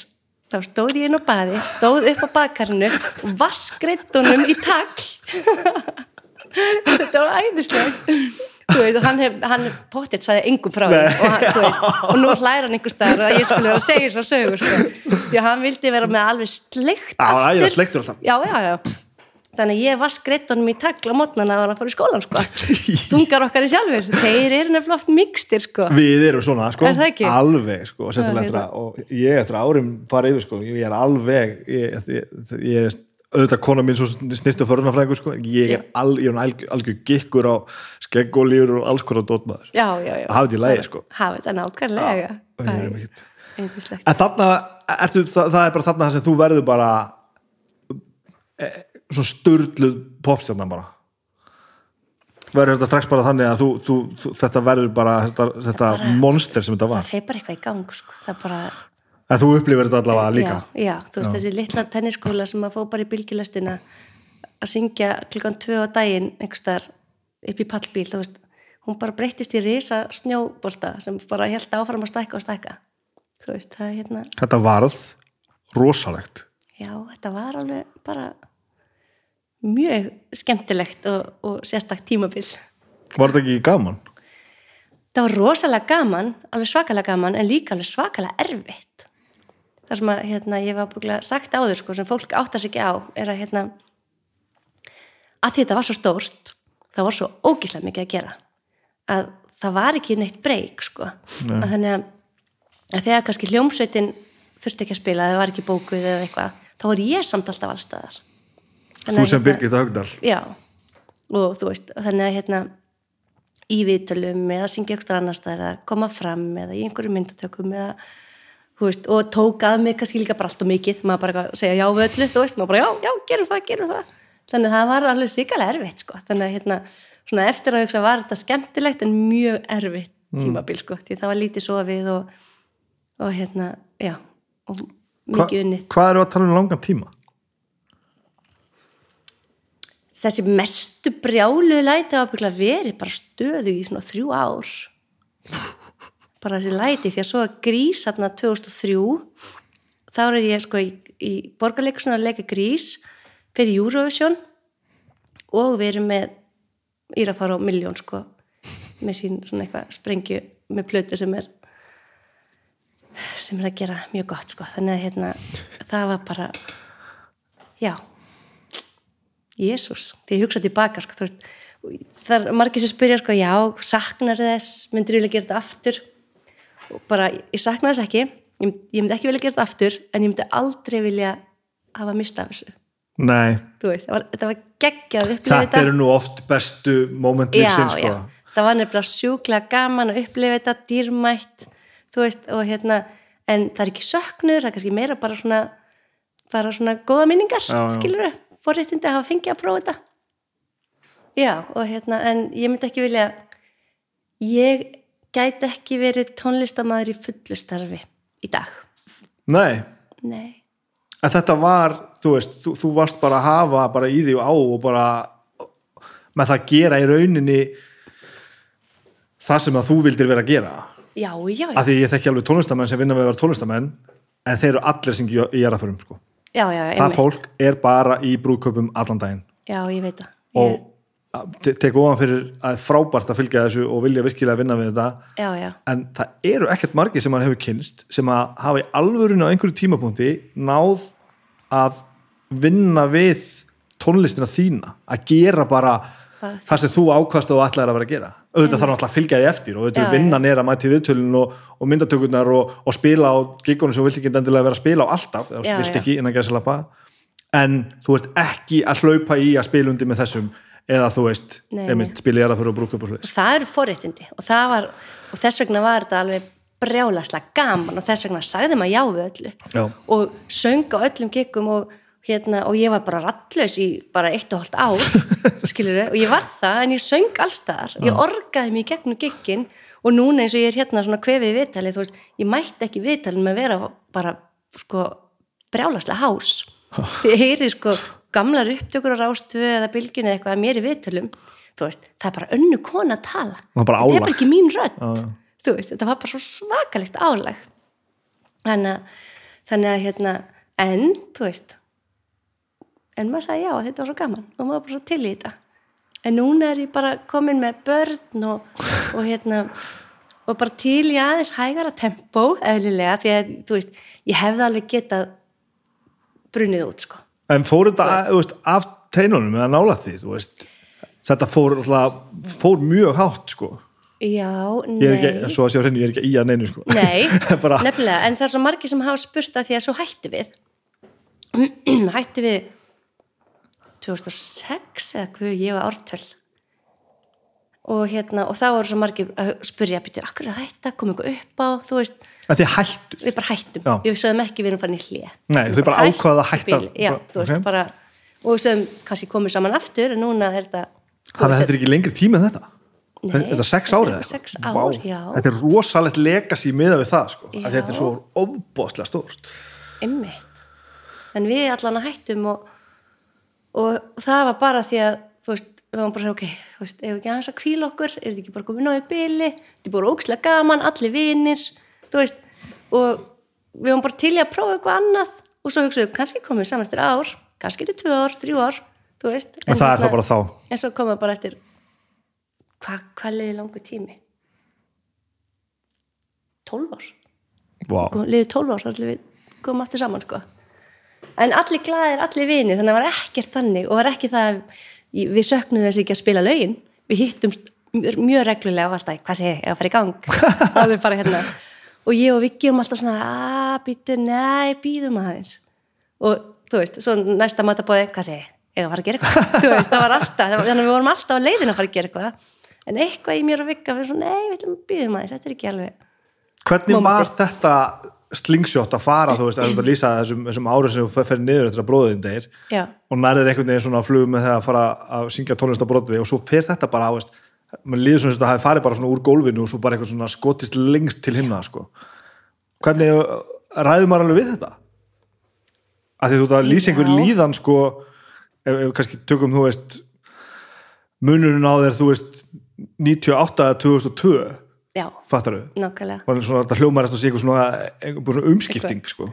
Já, það er alveg rétt. Þetta var svaka, þetta var svaka hérna, breyting og hérna, en ég var bara, ég veit ekki hverju það er að þakka sko, ég var bara alltaf með fætunar á jörðinni og var, veist, ég fór ekki í neitt, veist, ég var ekki að ruggla, það, það hjálpar fólki ofta að hérna, missa fótana sko, detti áfengi eða eitulif eða eitthvað, þú veist, ég var ekki í neinu ruggli, ég var bara mjög stabíl og, og ég held að sem bara ég sem karakter er bara með fætun á jörðinni, veit bara þú veist, já, ég, ég geti ekki útskýrt það, sko. Þannig að, þannig að eina sem var að sjá mig ef eitthvað var, þá var það bara því það var ómikið að gera, skiljum, Bara ég var bara þreytt, já. að hérna, en aldrei þú veist, nei ég, það var bara þetta var ekkert fokkað upp í mér, sko. Nei, og þú veist, og, og engin svona tómleika tilfinning að koma niður af þessu heldur eða svoleiðis? Nei, ég var rosa til ég sko, við, við hérna við ákveðum að hætta og það þýtti ekki að ég ætla að hætta í tónlist Nei. þú veist, ég var bara komin á mína braut og búin að finna mig sko. Þannig að ég byrja á því að út barnaplötu og hérna og þú veist, hef alltaf verið mikil barnagæla og bara hérna og hafði mér að segja áður fyrir barnaplötu minna þá hafði ég skrifað barnabók sem ég var einhver svona onni skúfi hjá mér einhver draumur að gefa út sko en, en hún hefur aldrei komið út og mun sennilega aldrei gera það. Og var ekki, ekki mikil pappír. Óutgefið lag og óutgefin bók Þetta er ert að fara að kassa inn bara. Það verður eitthvað dánabúið hvað ég er horfin hægt að kassina því. Nei, nei, hérna þannig að ég gef út barnaplötu og nýtast bara í botn að að spila fyrir börnin veist, ég bara er Þarna komum við nú að einu sem við þurfum að ræða já, Búin að vera í eh, frægastu hljómsveit á Íslandi og búin að fara í Eurovision, hvernig fórst Eurovision? 2003 Það var eitthvað algjört monster, alveg og þú ert orðin svona, svona svona eina mjög fáum Íslendingu sem að geta svona tikka við að vera bara svona alvör popstjarna. Það sem allir vita hverju þú ert og þú ert bara með eitthvað svona, svona stóra ímynd og bara ljósmyndarar eftir þér svo er bara eins og þessi sjálfi drullu sama. Svo fyrir bara að gefa barnaplötu sem er sko ekki popstjörnum barnaplata heldur Já. barnaplata. Já. er þið bara drullu sama? Eða er þetta eitthvað, já, nei, mér langaði bara ég var bara að fylgja mínu hjarta. Já, þannig að þeir eru í alvörunni bara sama. Þetta Já. þeir langaði bara að gera þetta. Já, ég var ekkert að hugsa um ferilinn eða ímyndina eða Nei, hann skilur nefnilega sko, þetta er ótrúlega heillandi sko. Þarna bara langaði mig að gera barnaplötu og hérna, og ég átti ljóð onni í skuffu, vögguvísu sem ég, hafði langað svo oft að, að gefa út. Og ég, æ, ég, veist, ég er ungarna en ég hlakkaði til að eignast börn og hlakkaði til að syngja þessa vögguvísu fyrir barnið mitt. Hljóma náttúrulega voða korni en svona bara, þetta er bara einlægt. Þannig að ég gera þessa barnaplötu og kem þessu ljóði inn á hana við eitt af ljóðanum og hérna og nýtist bara að syngja fyrir börnin og búa til eitthvað svona skemmtilegt krakkatót þannig að hérna og svo því ég búið með það og þessi, og þessi plata bara slæri gegn. Ég gaf hann út sjálf. Ég ákvaði að prófa Já, bara að vera ok. minn eigin útgefandi og hérna og Palli Papi, ég á- honum mikið að þakka. Hann hjálpaði mér í því öllu ferlinu. Var umbóðsmaður með þá. Og hérna og hún seldist, hún bara hvarf í einhverjum 11-12 eintökum bara fyrir jólin. wow. Að, og barnaplötur voru ekkert að seljast. En hann erum við líka að tala um það. Þú varst svo fárálega fræg. Er ekki að segja að Já. það sé ástæða fyrir að plata Já. seldist bara, þú veist, Já. auðvitað þarf hún að vera eitthvað söfstans á henni. Já, já, en þetta var, flugið á þessu var surrealist sko. Ég veit ekki alveg hvort maður að þú áttur í á þessu. Ég held, ég held það er erfitt að bera sér saman við sko, einhvern annan sko. Þetta var, auðvitað náttúrulega þú ert náttúrulega á mínu home turf þannig að eins og hún tala um á hann og ég kannski sá þetta svona, já, gaf þessu kannski aðeins byrja séns og tók kannski aðeins meir eftir þessu. Þetta var fucking allstaðar, þú varst Já. allstaðar sko. Já, ég veit það, já. En ég var líka bara að því, að því ég var svo duglega líka já, já, bara, en, veist- já, að sjálfsögðu og það. þarna sko já, ég veit ekki, ég kann ekki veist ég skildi ekki alveg sjálf sko. En, en það, þetta gerðist allavega. Og svo mann ekki svo leið annarkvæmt ár eða tvö og þá gaf ég út mína fyrstu sóloplötu. Og þá tók ég aftur snúning því að mér alltaf dreymt um að að gefa út lagið mitt, fyrsta lagið sér samti og hérna og mér langaði svo að gera sólarplötu mér vantaði að gera eitthvað svona ég veit ekki, hún var alveg overpersónleg, hún var allt, þú veist Írafár, eins og ég segi, þú veist ég hérsta mitt er í öllum textum og í svona lögum hjá Írafár, en í öðrum búningi í meira svona, ég veit ekki hvort það er svona þjóðatrik eða svona er eitthvað aðeins meira svona einhver heimur þar skilur sem að maður er búin að búa til.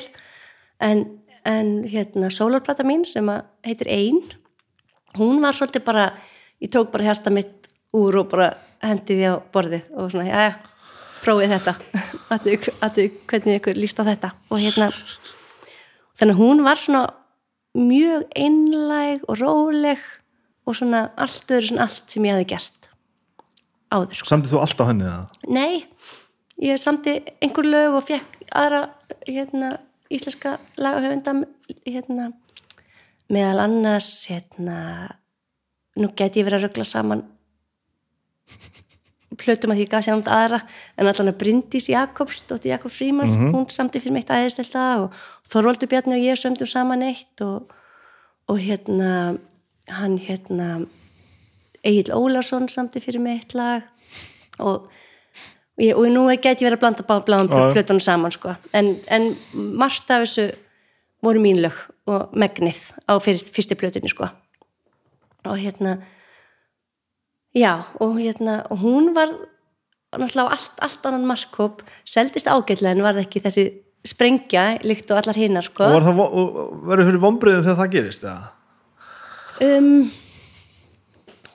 nei, sko ég var bara komin þá á annan stað í lífinu, sko ég, veist, ég var komin í ronna, sko þú veist, ég var ekki fara að syngja þess að plöta á böllum eða tónleik út um, út um allt skilur, ég ætlaði mér ekki ég ætlaði mér ekki svona stóra hluti með hana, skilur, þannig ég var bara komin langað og, mér, og þetta var alveg bara svona eitthvað sem að mér langaði svo, var svo mikið gert fyrir mig skiluru, þannig að nei það voru ekki vonbriði, ég get ekki sagt það sko. En þetta er frábært að hún er líka orðið meðsöluplata, skiluru en þú veist, ég veit ekki hvað hún seldist í í bara, þú veist, fjögur þúsund eða ég veit, ég veit ekki hún sem að flestir var nú frekar ánað með. Já, já, nákvæmlega sko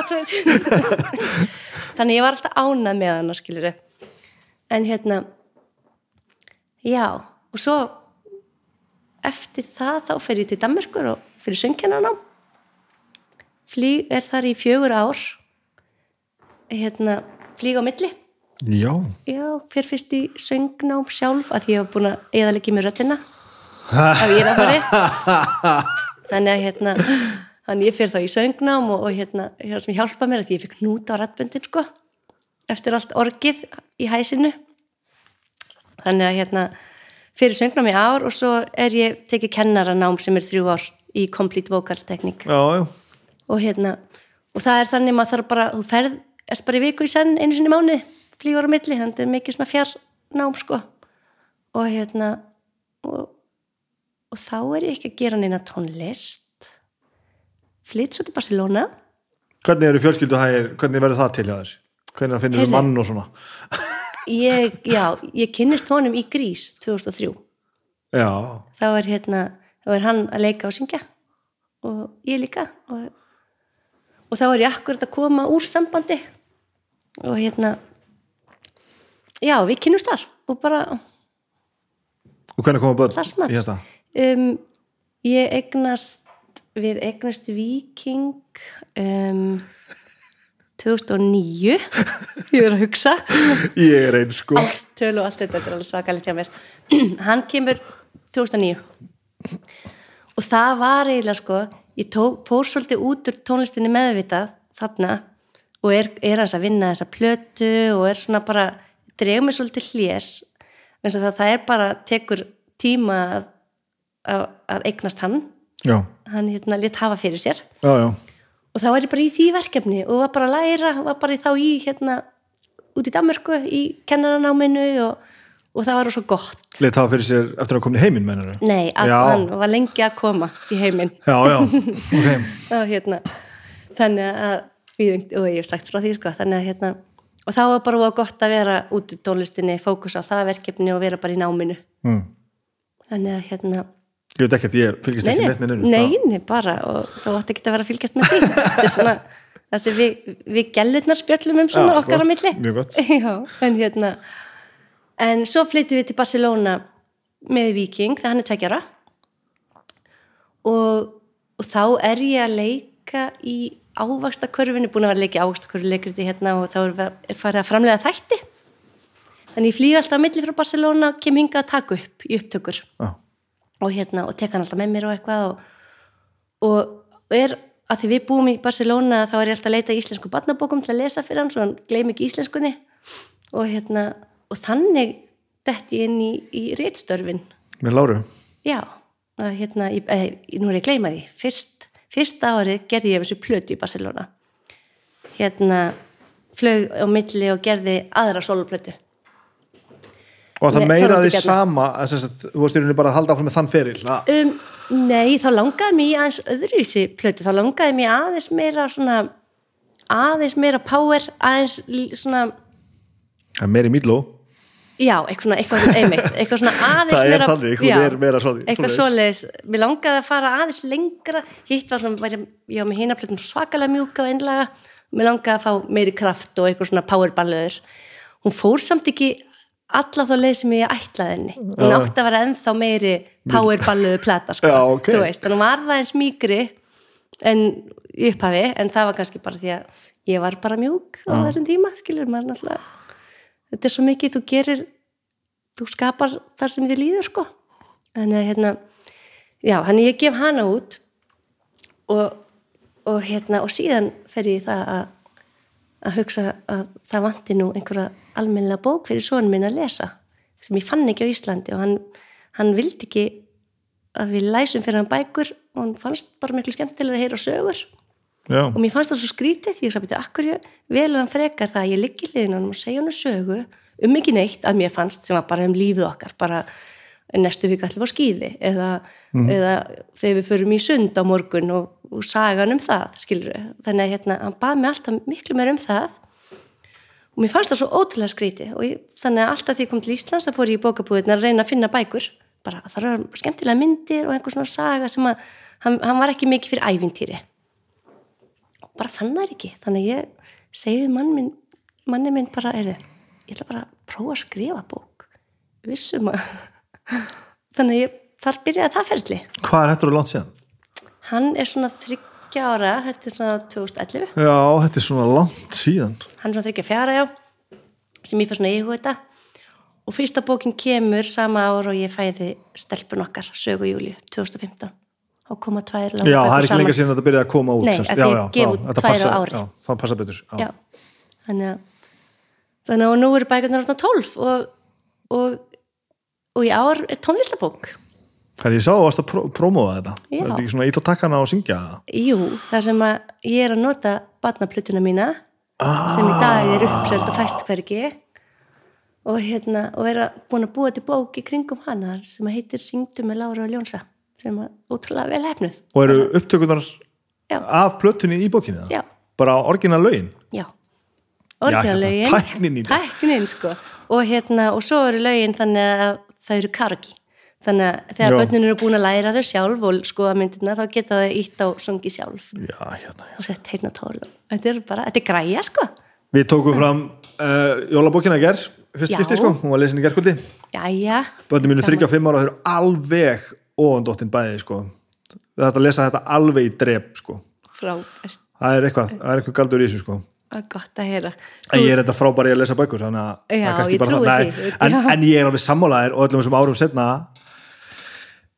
það er eitthvað skrítið við að maður skuli ennþá sækja bara einar áskell sko.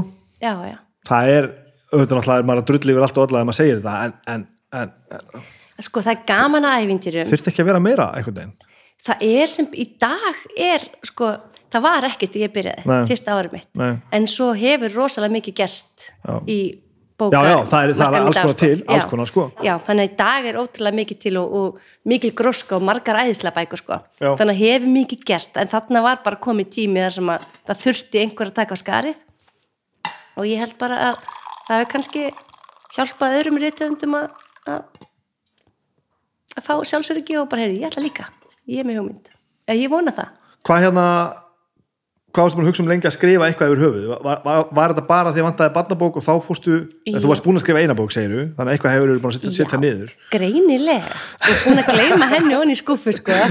Veist, og var alveg bara komið með hana, súbók var þannig að ég teiknaði sjálf myndirnar og gerði söguna. En ég vissi bara hún var ekki nóg góð sko. já, og hérna þannig að hún fór bara hún í skuffu og ég veit ekki hvar hún er en einhvers þar er hún. Ok og ég er ekki góðu teiknari sko. Þannig að er mjög fyndið ef að þessar myndi kom upp. Allavega.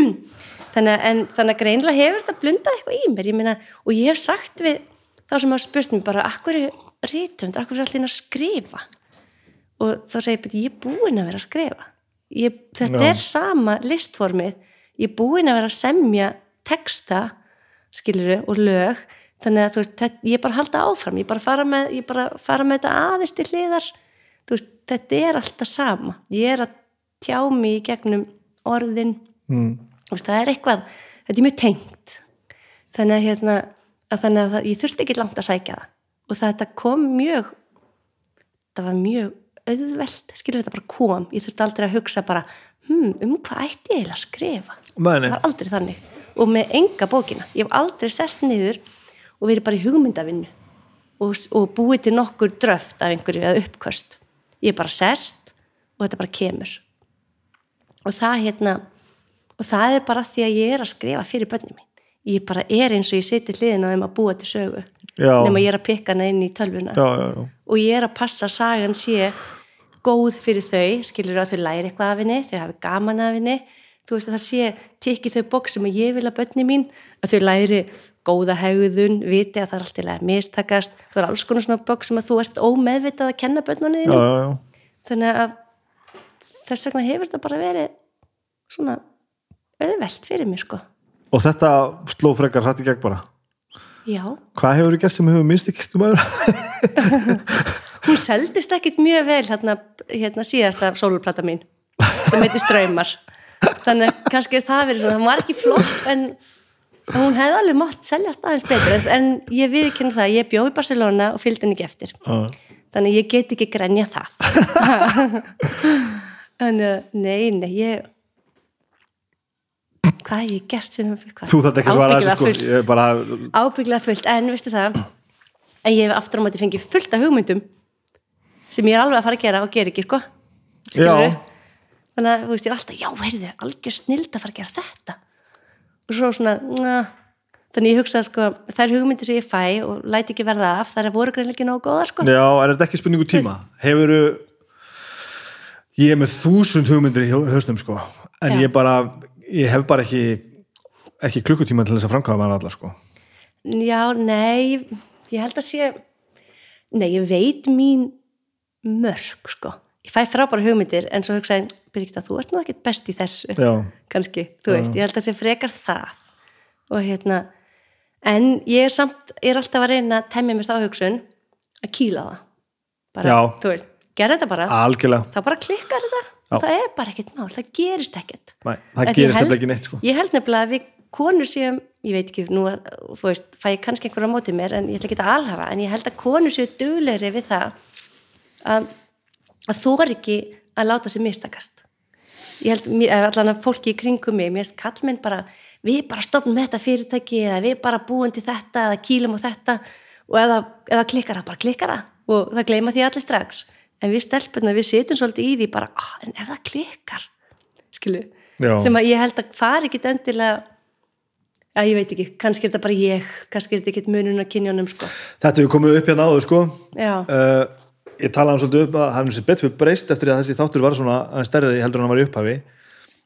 En ég ákast strax að ég ætla að hafa 50-50 kynnihljóð til já, sem að maður horfir í kringu sinni því miður alls ekki þannig sko, í öðrum þáttum sko. nei, nei, nei, á miklu verra fyrst og þetta er- er orðið miklu viðráðanlega núna eftir að þátturinn varði eitthvað og fólk svona getur kannski treyst í að þetta sé ekki bara eitthvað, já, já, en það gekk miklu verð að fá konunum til að mæta hérna fyrstu þættina sko. Mhm. ég fekk miklu meira nei og miklu meira svona hm og ha og frestanir og svona aflýst á síðustu stundu og eitthvað svo leið sko. Mhm. og þú veist, ég ætla ekki að sitja hérna og alhafa af hverju það er en ég hef rætt þetta við, við fólk sem hefur komið og bara hin, hin á þessa og þetta kemur mjög oft upp sem þú ert að segja núna sko, að það er eitthvað svona landlægt vantröst sko, við erum sjálfsvantröst hrættar, já, við erum hrættar við að eitthvað klikki, segja eitthvað vittlaust, eitthvað eitthvað svona. En ég með það er líka búið að setja, setja þessa pressu á ykkur í, í gegnum áratugina að þeir eru hakkaðar í spaði ef eitthvað klikkar sko. já, já, einmitt. Á meðan að við getum bara skilið eftir sinna jörð og, og, og þú veist Já, já, og fluttin,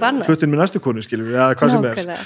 en þú sér það, þú veist, ég var, ég var pínu stressuð að kominga að hvert fer viðtalið? Hvað er ég að fara að segja? Er ég tilbúin að segja þetta? Skilur þau, og það sem við fórum að ræða ég var eiginlega ekki tilbúin að segja það en óvart fór ég að ræða það. Já, já. veist, þannig að núna fer ég heim og verður bara, guð, hvernig kemur þetta út? Guð, hvað verður hvað setjar, setjar eitthvað inn á netið eða hvað, þú veist ég bara einlægt, þá ég eftir að gera það að, að þetta var svona þetta er kannski eitthvað bara í konum eða í mér, sko, en þetta er eitthvað svona þetta óeriki bara, ó, ég, ég var ekki búin að plana þetta, já.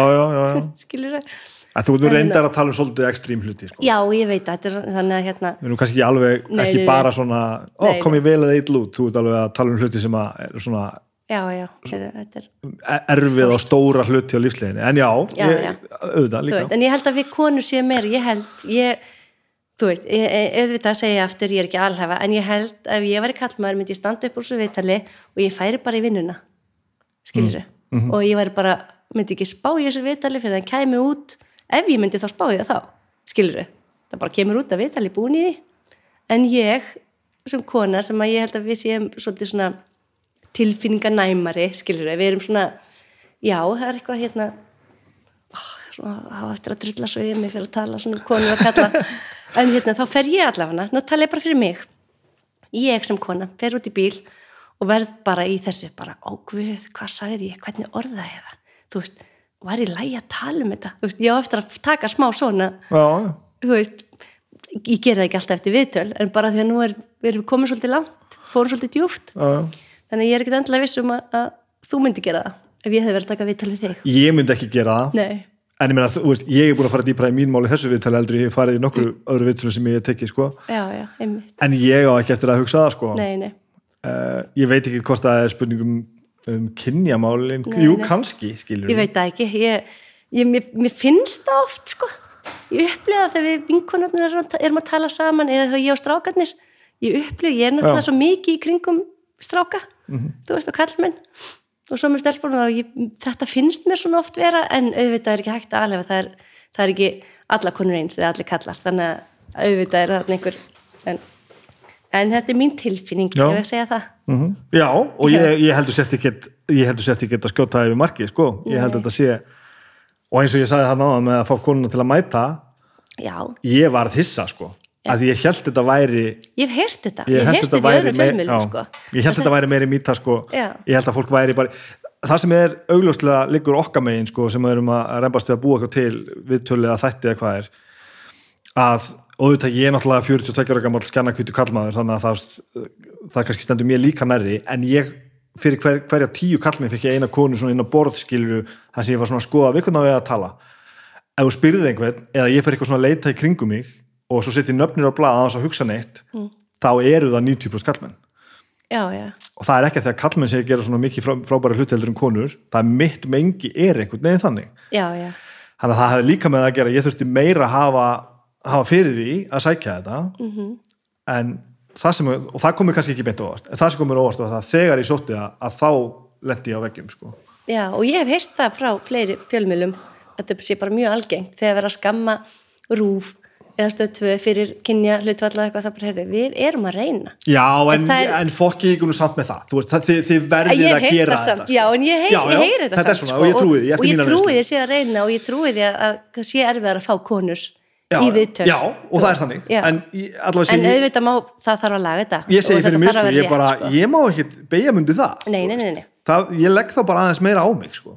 Og sammála annað sem að fólk má líka taka til sín með þetta, nú er bara Já. að, hefða, að núna er þetta orðið auðveldara kannski eru það mínu vinnubröð kannski er það að því að þú veist konur sjá að það eru konur hérna, kannski er það bara eitthvað, ég veit ekki Já, já. Ég, það er eitthvað sem er fer af stað þannig að þetta verður einfaldara já, já, já, einmitt þannig að ég held að þegar við gefumst upp þá stoppar, hlutinni sko. og ég held að sé og ég vil trúa því að það séu allir að vanda sig og fjölmiðlar á Íslandi séu að gera sitt best og reyna en auðvitað oft má gera betur veist, og við höfum aldrei hætta það. fyrir þetta komið í lag, bara aldrei sko. Alveg sammála. Það er þetta er allt, ég, ég vona að ég held að þetta sé á góðri leið. Ég, ég vil trúa því sko. Að við séum svolítið farin að passa upp á kynja hlutfall bara eins og hérna bara eins og með laun kynjan og allt þetta. Ég, ég vil trúa því að það séu allir með hugan við þetta og það séu verið að reyna að laga þetta í samfélaginu.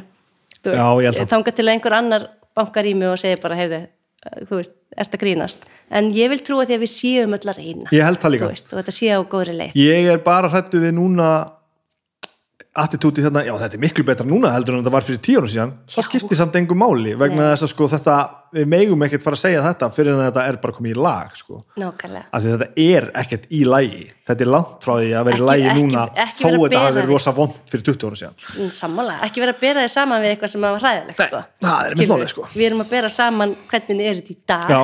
ekki hvernig var þetta í fyrra eða hitti fyrra og bara hættið þessu tauti það þarf bara að laga þetta. Bara í alvörni laga þetta en ekki segja, já, þetta, það þarf að gera þetta og þetta. Bara, hvað er svona flókið við þetta? Þetta er ekkert, þetta er mjög einfalt sko. það eru bara þessi hluti sem við erum með á borðinu og það þarf að fucking laga þetta. Bara já, við setjum þetta í nefnd. Nei, drullið á ykkur með þessa nefnd sko.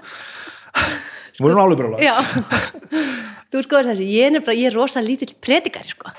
það, þess vegna held ég að ég sé svona tala upp á sveiði eins og við byrjum hérna viðtalið á að hérna, að þú veist að ég, ég veit alveg hvernig mér líður og mér finnst þetta allt en ég get, ég er ekki með þetta hérna ég er mjög lítill predikari í mér Já. og þú veist þannig að hérna þannig að það er svolítið gaman, þú, þú ert með þér sko, þannig að ég halda áfram, ég að fá mig bara hérna að þú ert ekki skoðan að lausa sko. ég man alveg eftir þú veist, að ég man eftir einhverjum svona e, e, ég man eftir einhverjum, einhverjum svona viðtölu við það sem átti að vera svona þú veist, að þetta var alltaf svolítið kallaðu bransi þá Mhm. þar sem þú þurfti nú aðeins að standa upp og svara sko, og þú gerir það samt þú lest ekki Já. bara segja hvað sem var við þig Nei, nei, nei, nei, nei, nei. Ég, ég hef alveg skoðanir, ég, ég er alveg hérna, ég er engin jámanniskja, Nei. skilur, þú getur alveg verið, þú getur alveg verið indæll á þess að vera jámanniskja, sko, Já, já, skilur þannig að hérna, nei, nei, ég hef alveg mína skoðanir, ég bara, ég hef ekki þetta element í mér samt að hérna, kannski hef ég það og hefur bara ekki reynt á það, ég veit það ekki, sko, en ég upplýði mig þannig, svona að ég misti oft í viðtunum spurðum eitthvað svona, hvað finnst þér um þetta? Og eitthvað svona, eins og ég koma með eitthvað svaka predikanir eða eitthvað svona hérna, stóra skoðanir, veist. Ég get sagt þar en ég get ekki ég veit ekki, ég er fann að tala í ringi sko. já, já, ég veit ekki hvert er að fara með þetta, ég held ég sé búin að tala allt og mikið hérna hjá í dag. hvað er vel að búin að vera lengi? Þetta er, þetta er rétt að byrja komumst hérna, í- hérna mér langar að fara alla leið með þetta samt hérna með, hvað varst að gera í, hvað varst að gera á spáni? Akkur fóruð þangað?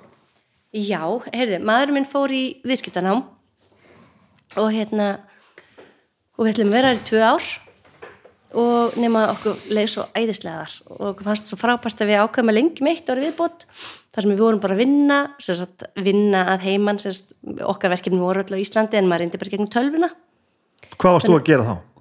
Sko, fyrstu, fyrsta árið þá var ég að flakka hérna á milli, þá var ég í verkefnum í Íslandi. Þannig að þá var ég bara að koma okkur fyrir og passa på strákin okkar, finna skóla og, og koma hingað í upptökur og annað. Leika og já, leika og taka upp.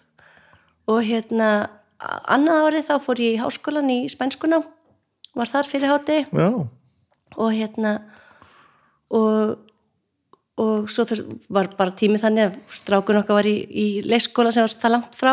Þannig að ég gati eiginlega ekki gert meira en verið til eitt í verkefnum. Þá þurfti ég að fara að sækja hann upp á tvö. Upp á tvö, neini þrjú sannlega og en síðan þriði ári þá fer ég held ég áfram mínu spænskunámi og fer að skrifa. Já það er þá sem það gerist. Já. Mm. þannig að hérna og ég, mér langar að flytja aftur, aftur til Barcelona sko. Já, ok. Já, mér finnst það æðislegt, mér finnst indislegt að búa þarna en auðvitað, þú, verð, þú býr þar sem vinnaðin er sko. Þannig að við, við áttum okkur á því að það var ekki hægt að vera þarna hérna, eða ert ekki með vinnu þar. Nei, nei, nei, nei. og hérna, og vissum það að við verðum ekki að og værum ekki komin þangað til að vera. En hérna, indislegt ótrúlega gaman og, og skemmtilegt tímabil. Og hver er þá vinnaðin í dag? vinna mín í dag, já, einmitt. Það er náttúrulega bara svona mjög margt sem, maður er með í ermánum sko. það er, ég er að skrifa ég er kenni söng inn á milli þegar, þegar það er rólegt hjá mér það er nú ekki verið mikið undanfari og hérna, og svo er ég að syngja Og hvað er þetta að syngja? og ég er nú bara búin að syngja hér og þar ég er búin að vera með duglega síðustu tvö árin í því, svona eftir að Írafór kom aftur hérna og þá fór ég að taka alls konar bara þessi gig, bara hérna ásóttíð, þjóðhóttíð. Dalvík, hérna já, ásóttíðar fyrirtækja gig, hérna fjargig, bara allt þetta sem er í gangi hjá tónlistamennum í dag, sko. Og hvað er þetta að syngja þar? þá er ég bara að syngja alls konar. Írafár í bland við önnur lög sko. Já, þannig að hérna þannig að það er bara, já, þannig ég mitt starf er bara mjög, mjög fjölbreytt og alls konar. Hvenær varstu síðast í 9-5? já, einmitt, ég hef aldrei verið í 9-5 nú bara þegar, ég var úlingur Já, það er bara þannig. Þú bara hefur ekki- sem krakki sko. Það er bara leis já, Og verður sannlega bara alltaf þannig eitthvað. já, ég hugsa það. Það, veist, þetta er bara það hefur bara gengið upp skilur, það hefur bara alltaf eitthvað verið að gera veist, og, og mér finnst mjög mikilvægt að það dýrmætasta sem ég á er börni mín. Þannig að eiga tíma með þeim. Þannig að þá finnst mér mjög dýrmætt að geta hérna að ráði mér svolítið sjálf sko. Ég er mikil mamma sko. Það er, það er bara þannig þannig að það er mitt helsta starf og hinn hin störfinu svona auka vinnurnar til hliðar það er svona móðir með, með svona, með metnað. Ekki Já, það einmitt, nú drullar ég rosalega marga, en, en þú veist hvað ég á við. Já, svona, já, ég, ég finnst það alveg ég elska að vera mamma sko. það er bara já, ég, ég alveg bara ég, ég næstu því myndi láta bönni mín hætti í skóla svo ég get fengið að vera meira með þeim nei, já, við erum alveg þarna. Nei, ég er að grínast En þið finnst þetta. Já, ég, mér finnst indislegt að hérna, vera, fara með þeim, þú veist, kenna þeim á tónlist, þú veist, ég með þeim í tónlistanámi, þau eru í Suzuki píanonámi, þar sem maður þarf að vera með og Já.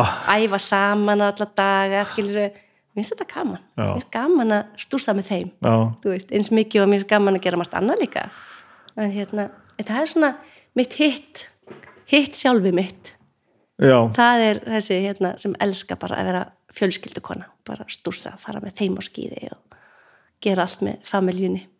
þú ert ekki rosalega mikið popstjarna. Nei, Fattar hvað ég er að fara? Þú veist, það er, ég er náttúrulega svo sem viss alveg hvernig, þú- ert, en, en ég held kannski að kemur í gegnum spjalli meira svona einhver, ég er ekki að segja að ég hef aldrei verið einhver dífa eða eitthvað svoleiðis, já, en það er eins og hafi bara svo dottið inni að vera popstjarna og svo þú hættir í þá er þér alveg sama.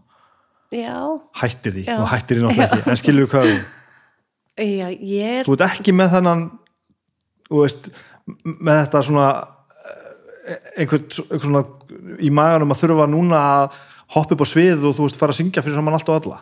nei, Þið finnst bara rosa fínt að mæta svona þjóðutíða því að það er, já, já, ég veit það, ég er, það er bara þannig, ég, þú veist, mér finnst ótrúlega gaman, mér finnst ég ótrúlega heppin að geta unnið í tónlist, af því að tónlistin er svo stór hluti af lífið mínu, en ég þarf ekkert að vera upp á sviði og fyrir framan alla og því andlitinu og öllum, þú veist, það er ekki, ég fæ ekki mest út af því, en mér langar ekki að missa það, því það er bara svona bónus, það er bara svona litla kritik tilveruna sem að, þú veist, staðin fyrir að fara út að djamma með stelpunum, þá fer ég að hoppa upp á svið og hef gaman þar, annars lagið. og það er ógeðslega gaman ég, ég, ég veit alveg hvað það meina sko.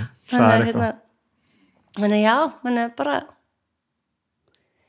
ég er ofta að hugsa hver, hver er ég, hvernig ætti ég að lýsa mér ég er bara alls konar Já. Mjög fyndið, þú veist, ég finnst mjög erfitt að fá þessa spurningu þú veist, hvernig myndir lýsa þér? Já, ég get það ekki. En þess að ég er bara, ég elska fýbrast með strákunum og vera algjör gaur og vera bara, þú veist, gaurast í rútunni eða, eða hvað það er sko, í einhverjum auðlabröndurum og einhverju sem að eitthvað allt annað en ég sit hér í þessu viðtali sko, þú veist, og ég elska að fara í fallegan prinsessukjól og vera svo sæt og fín og punta mig, skilur eða fara í rockaragalan, eða vera mamman í náttutunum heima og, og bara baka með bönnunum, þú veist, ég er bara ég veit ekkert hver ég er, ég er bara, ég er alls konar. Já. Það er kannski galdurinn á bakvið það, þú veist. Það, það er og mörg popstjarnan hefur nú farið svolítið flatt á því að alltaf vera popstjarnan of lengi. Já, einmitt. það er ekkert sorgleira heldur en popstjarnir sem að hætta að vera popstjarnir og átta sig ekki á því. Eða vil ekki viðkenna það. Nei, ég, já, ég veit ekki ég, ég er svo skríti, ég tengi ekki alveg við þetta. Popstjarnar sko, þú veist, ég heyri þetta svo oft furðulegt að Tengur ekki við að þú sért popstjarna? nei, þú veist, ég tengi ekki við þetta orð sko, Þrátt ef ég ætti það að, ætti að sko. nefna Já. eina íslenska popstjörnu sko, þá held ég að sé þú E- ef ég þurfti að nefna eina sko.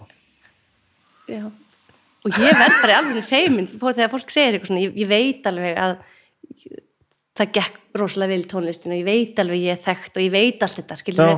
en mér finnst mjög óþægilegt og skrítið þegar fólk segir svona við mig Fyndi? það er bara feimnin í mér það er bara fer, ég fer bara inn í mig Já. það er bara það Já, það er þessi, þessi tegund af frægð sem að held ég mjög fáir íslendingar sko það er mjög fáir sem fara þangað sko. mm. allir þekkti sko. það eru mjög fáir sem verða svona rosalega frægir sko. já, en hvernig þá með þú veist uh, langar þið til dæmis ekkert núna að vera í, í hljómsveit langar þið ekkert að vera með þú veist, að nú ertu búin að vera í hljómsveit og ge gera þetta plötum og verða vinsar með því, búin að gefa tvær soloplötur kannski ekki með einhvern eiginlegan feril þar. Langar þið ekkert að eiga svona tónlistarferil þar sem ert svona að það gefa nýtt lag og fara þú veist að bylgjuna og, og svo kemur plata og þú ert að fara að gera þetta og fylgja þessu eftir og eitthvað svona. Um, að því þú ert svolítið að gera það með bækurna sko. Já, einmitt. Og ég, mér finnst það rosa gaman með bækurnar sko, þú veist,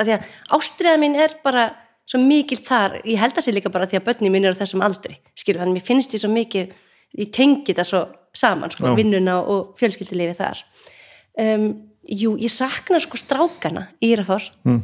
þú veist þeir eru bara, ég elska þá svo heitt og bara ég væri til að hitta þá á hverjum degi sko, þú veist, mér finnst þeir yndislegir. Og ég, hérna, og ég sakna samverunar og fýblagangsins og allt það sko.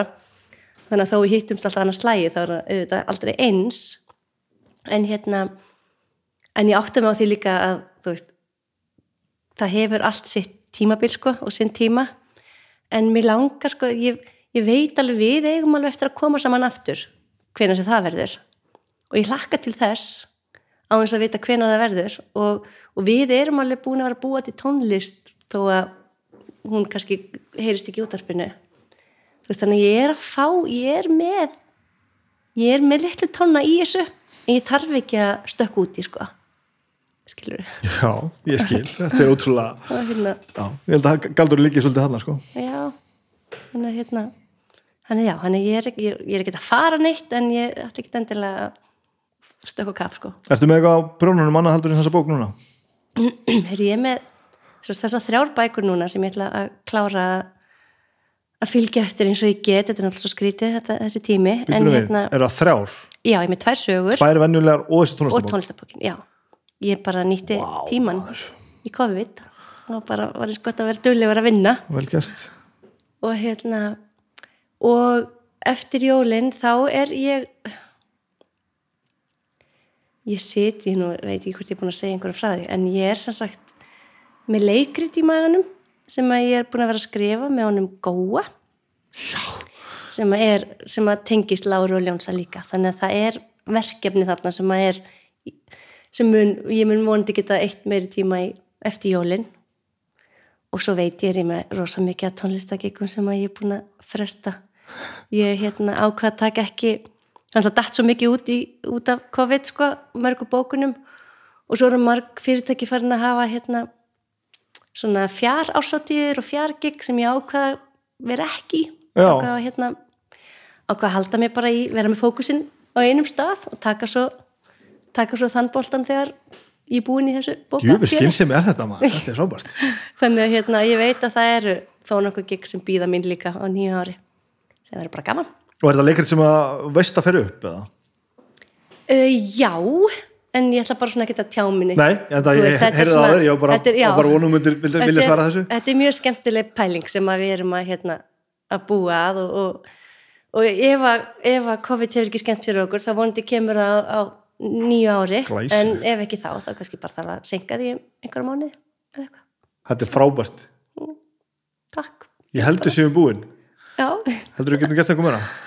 Vá, bara, að þú sér að hlusta á mig, hósta og púa hérna í alltaf hérna tíma, sko ég, ég veit ekki, ég, mér finnst ég hafa bara svona ælt inniblónum mínum hérna á borðið bara I spilled my guts, þú veist bara, ég veit ekki hvað ég get sagt þér meira Nei, ég held að þetta sé alveg frábært takk fyrir að tala um mig. Æ, takk fyrir að fá mig. Og gaman að koma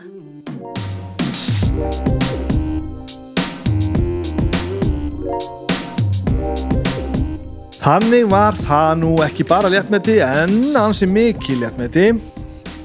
Þetta var býsna gaman. Ónættalega fóru sjálfsmórspælingar ansi hátt þarna.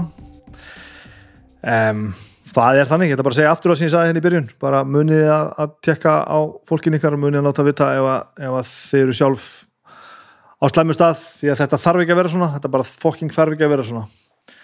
Um, Svo vil ég bara minna aftur á það sem Birgit var að segja um, hún er að gefa út þessa bækur Lára og Ljónsi og þetta stendur nú dásanlega næri því að börni mín hérna sofa í Láru og Ljónsa náttfötum og fara út með buffin sín og ég held ekki að fengi þessi, nú er ég bara þetta er ekki auðlýsing, nú er ég bara að, að fabulera að því að þetta börni mín eru glöð ég held að, hérna, ég held að þessi náttföt séu til í, í líndísæn, þau gjörsamlega er, þau eru gjörsamlega ofan dottina mikið og bara tónlistabóka komið fyrir jólinn og tværi viðbót og, og bara og svo allt gamla stöfi og við erum hérna, já, þetta er frábært. Um, þetta er algjörlega glæslegt, takk fyrir að koma Birgitta, þetta var þetta var stort stort og mikið og gott og gaman ég hætti þessu alveg þá ætla ég að nefna hljók, hljókkirkjuna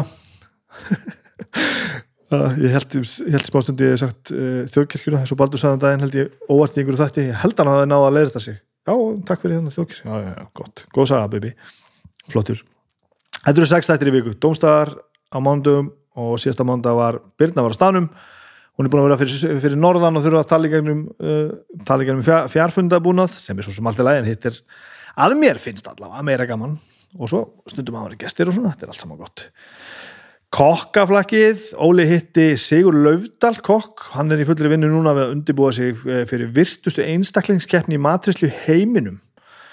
Bocuse d'Or. Bocuse d'Or. Ég veit ekkert hvernig maður segir þetta. Þetta er allavega Líón, þetta er fransk held ég, alveg örgla uh, og mjög gott spjall, frábælega skemmtilegt og, og það maður hefði gett í haldið að matrisla væri bara eitthvað eitthvað eh, krútlegt hobby, nei, auðvitað höldum við það ekki. En þegar þetta er komið á hennan atvinnum manna level það er ógeðslega gaman að heyra fólk tala um það. Þetta er mjög þetta er mjög skemmtilegt. Ég drauga fortjar uh, í gær, ég viðkynna bara fúslega, ég er bara fullkomlega búin að missa þráðin ég er að reyna að fylgast með öllu þarna uh, tíminn er bara ekki nægur hjá mér. Ég hef ekki nógan tíma í sólarhingnum og ég er búin að ákveða það uh, ég get hlusta á domstað til dæmis svona frekar afslappað og mér finnst veginn gott að hlusta á Óla tala við, við hinn og þetta hinn og þessa, ég er alveg búin að ákveða það ég, ég, ég er bara búin að setja drauga fortíða bara aðeins í hanskahólfið og ég ætla bara að hlusta á rosalega marga þætti í röð því ég þarf að keira eitthvað langt eða eitthvað, ég bara kemst ekki yfir þetta. Það er, það er frekar fókt upp þegar þú komin á þann stað tímalega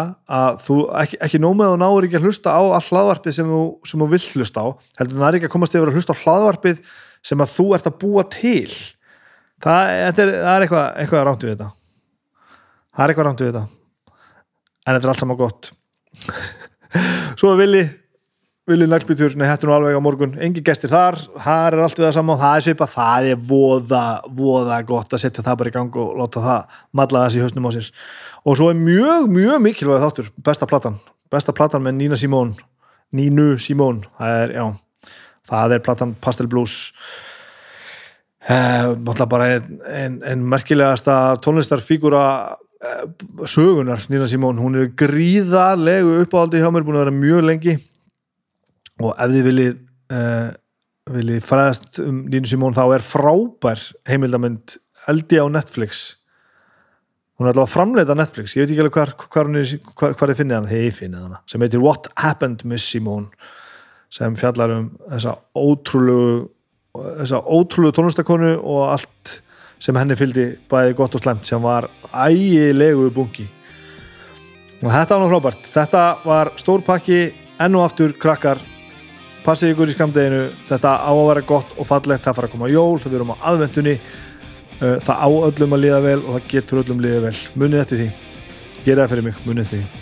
Þetta er frábært, ég ætla að hætta þessu blæri mikið var gaman í dag. Takk fyrir, heyrjumst í viku. Bye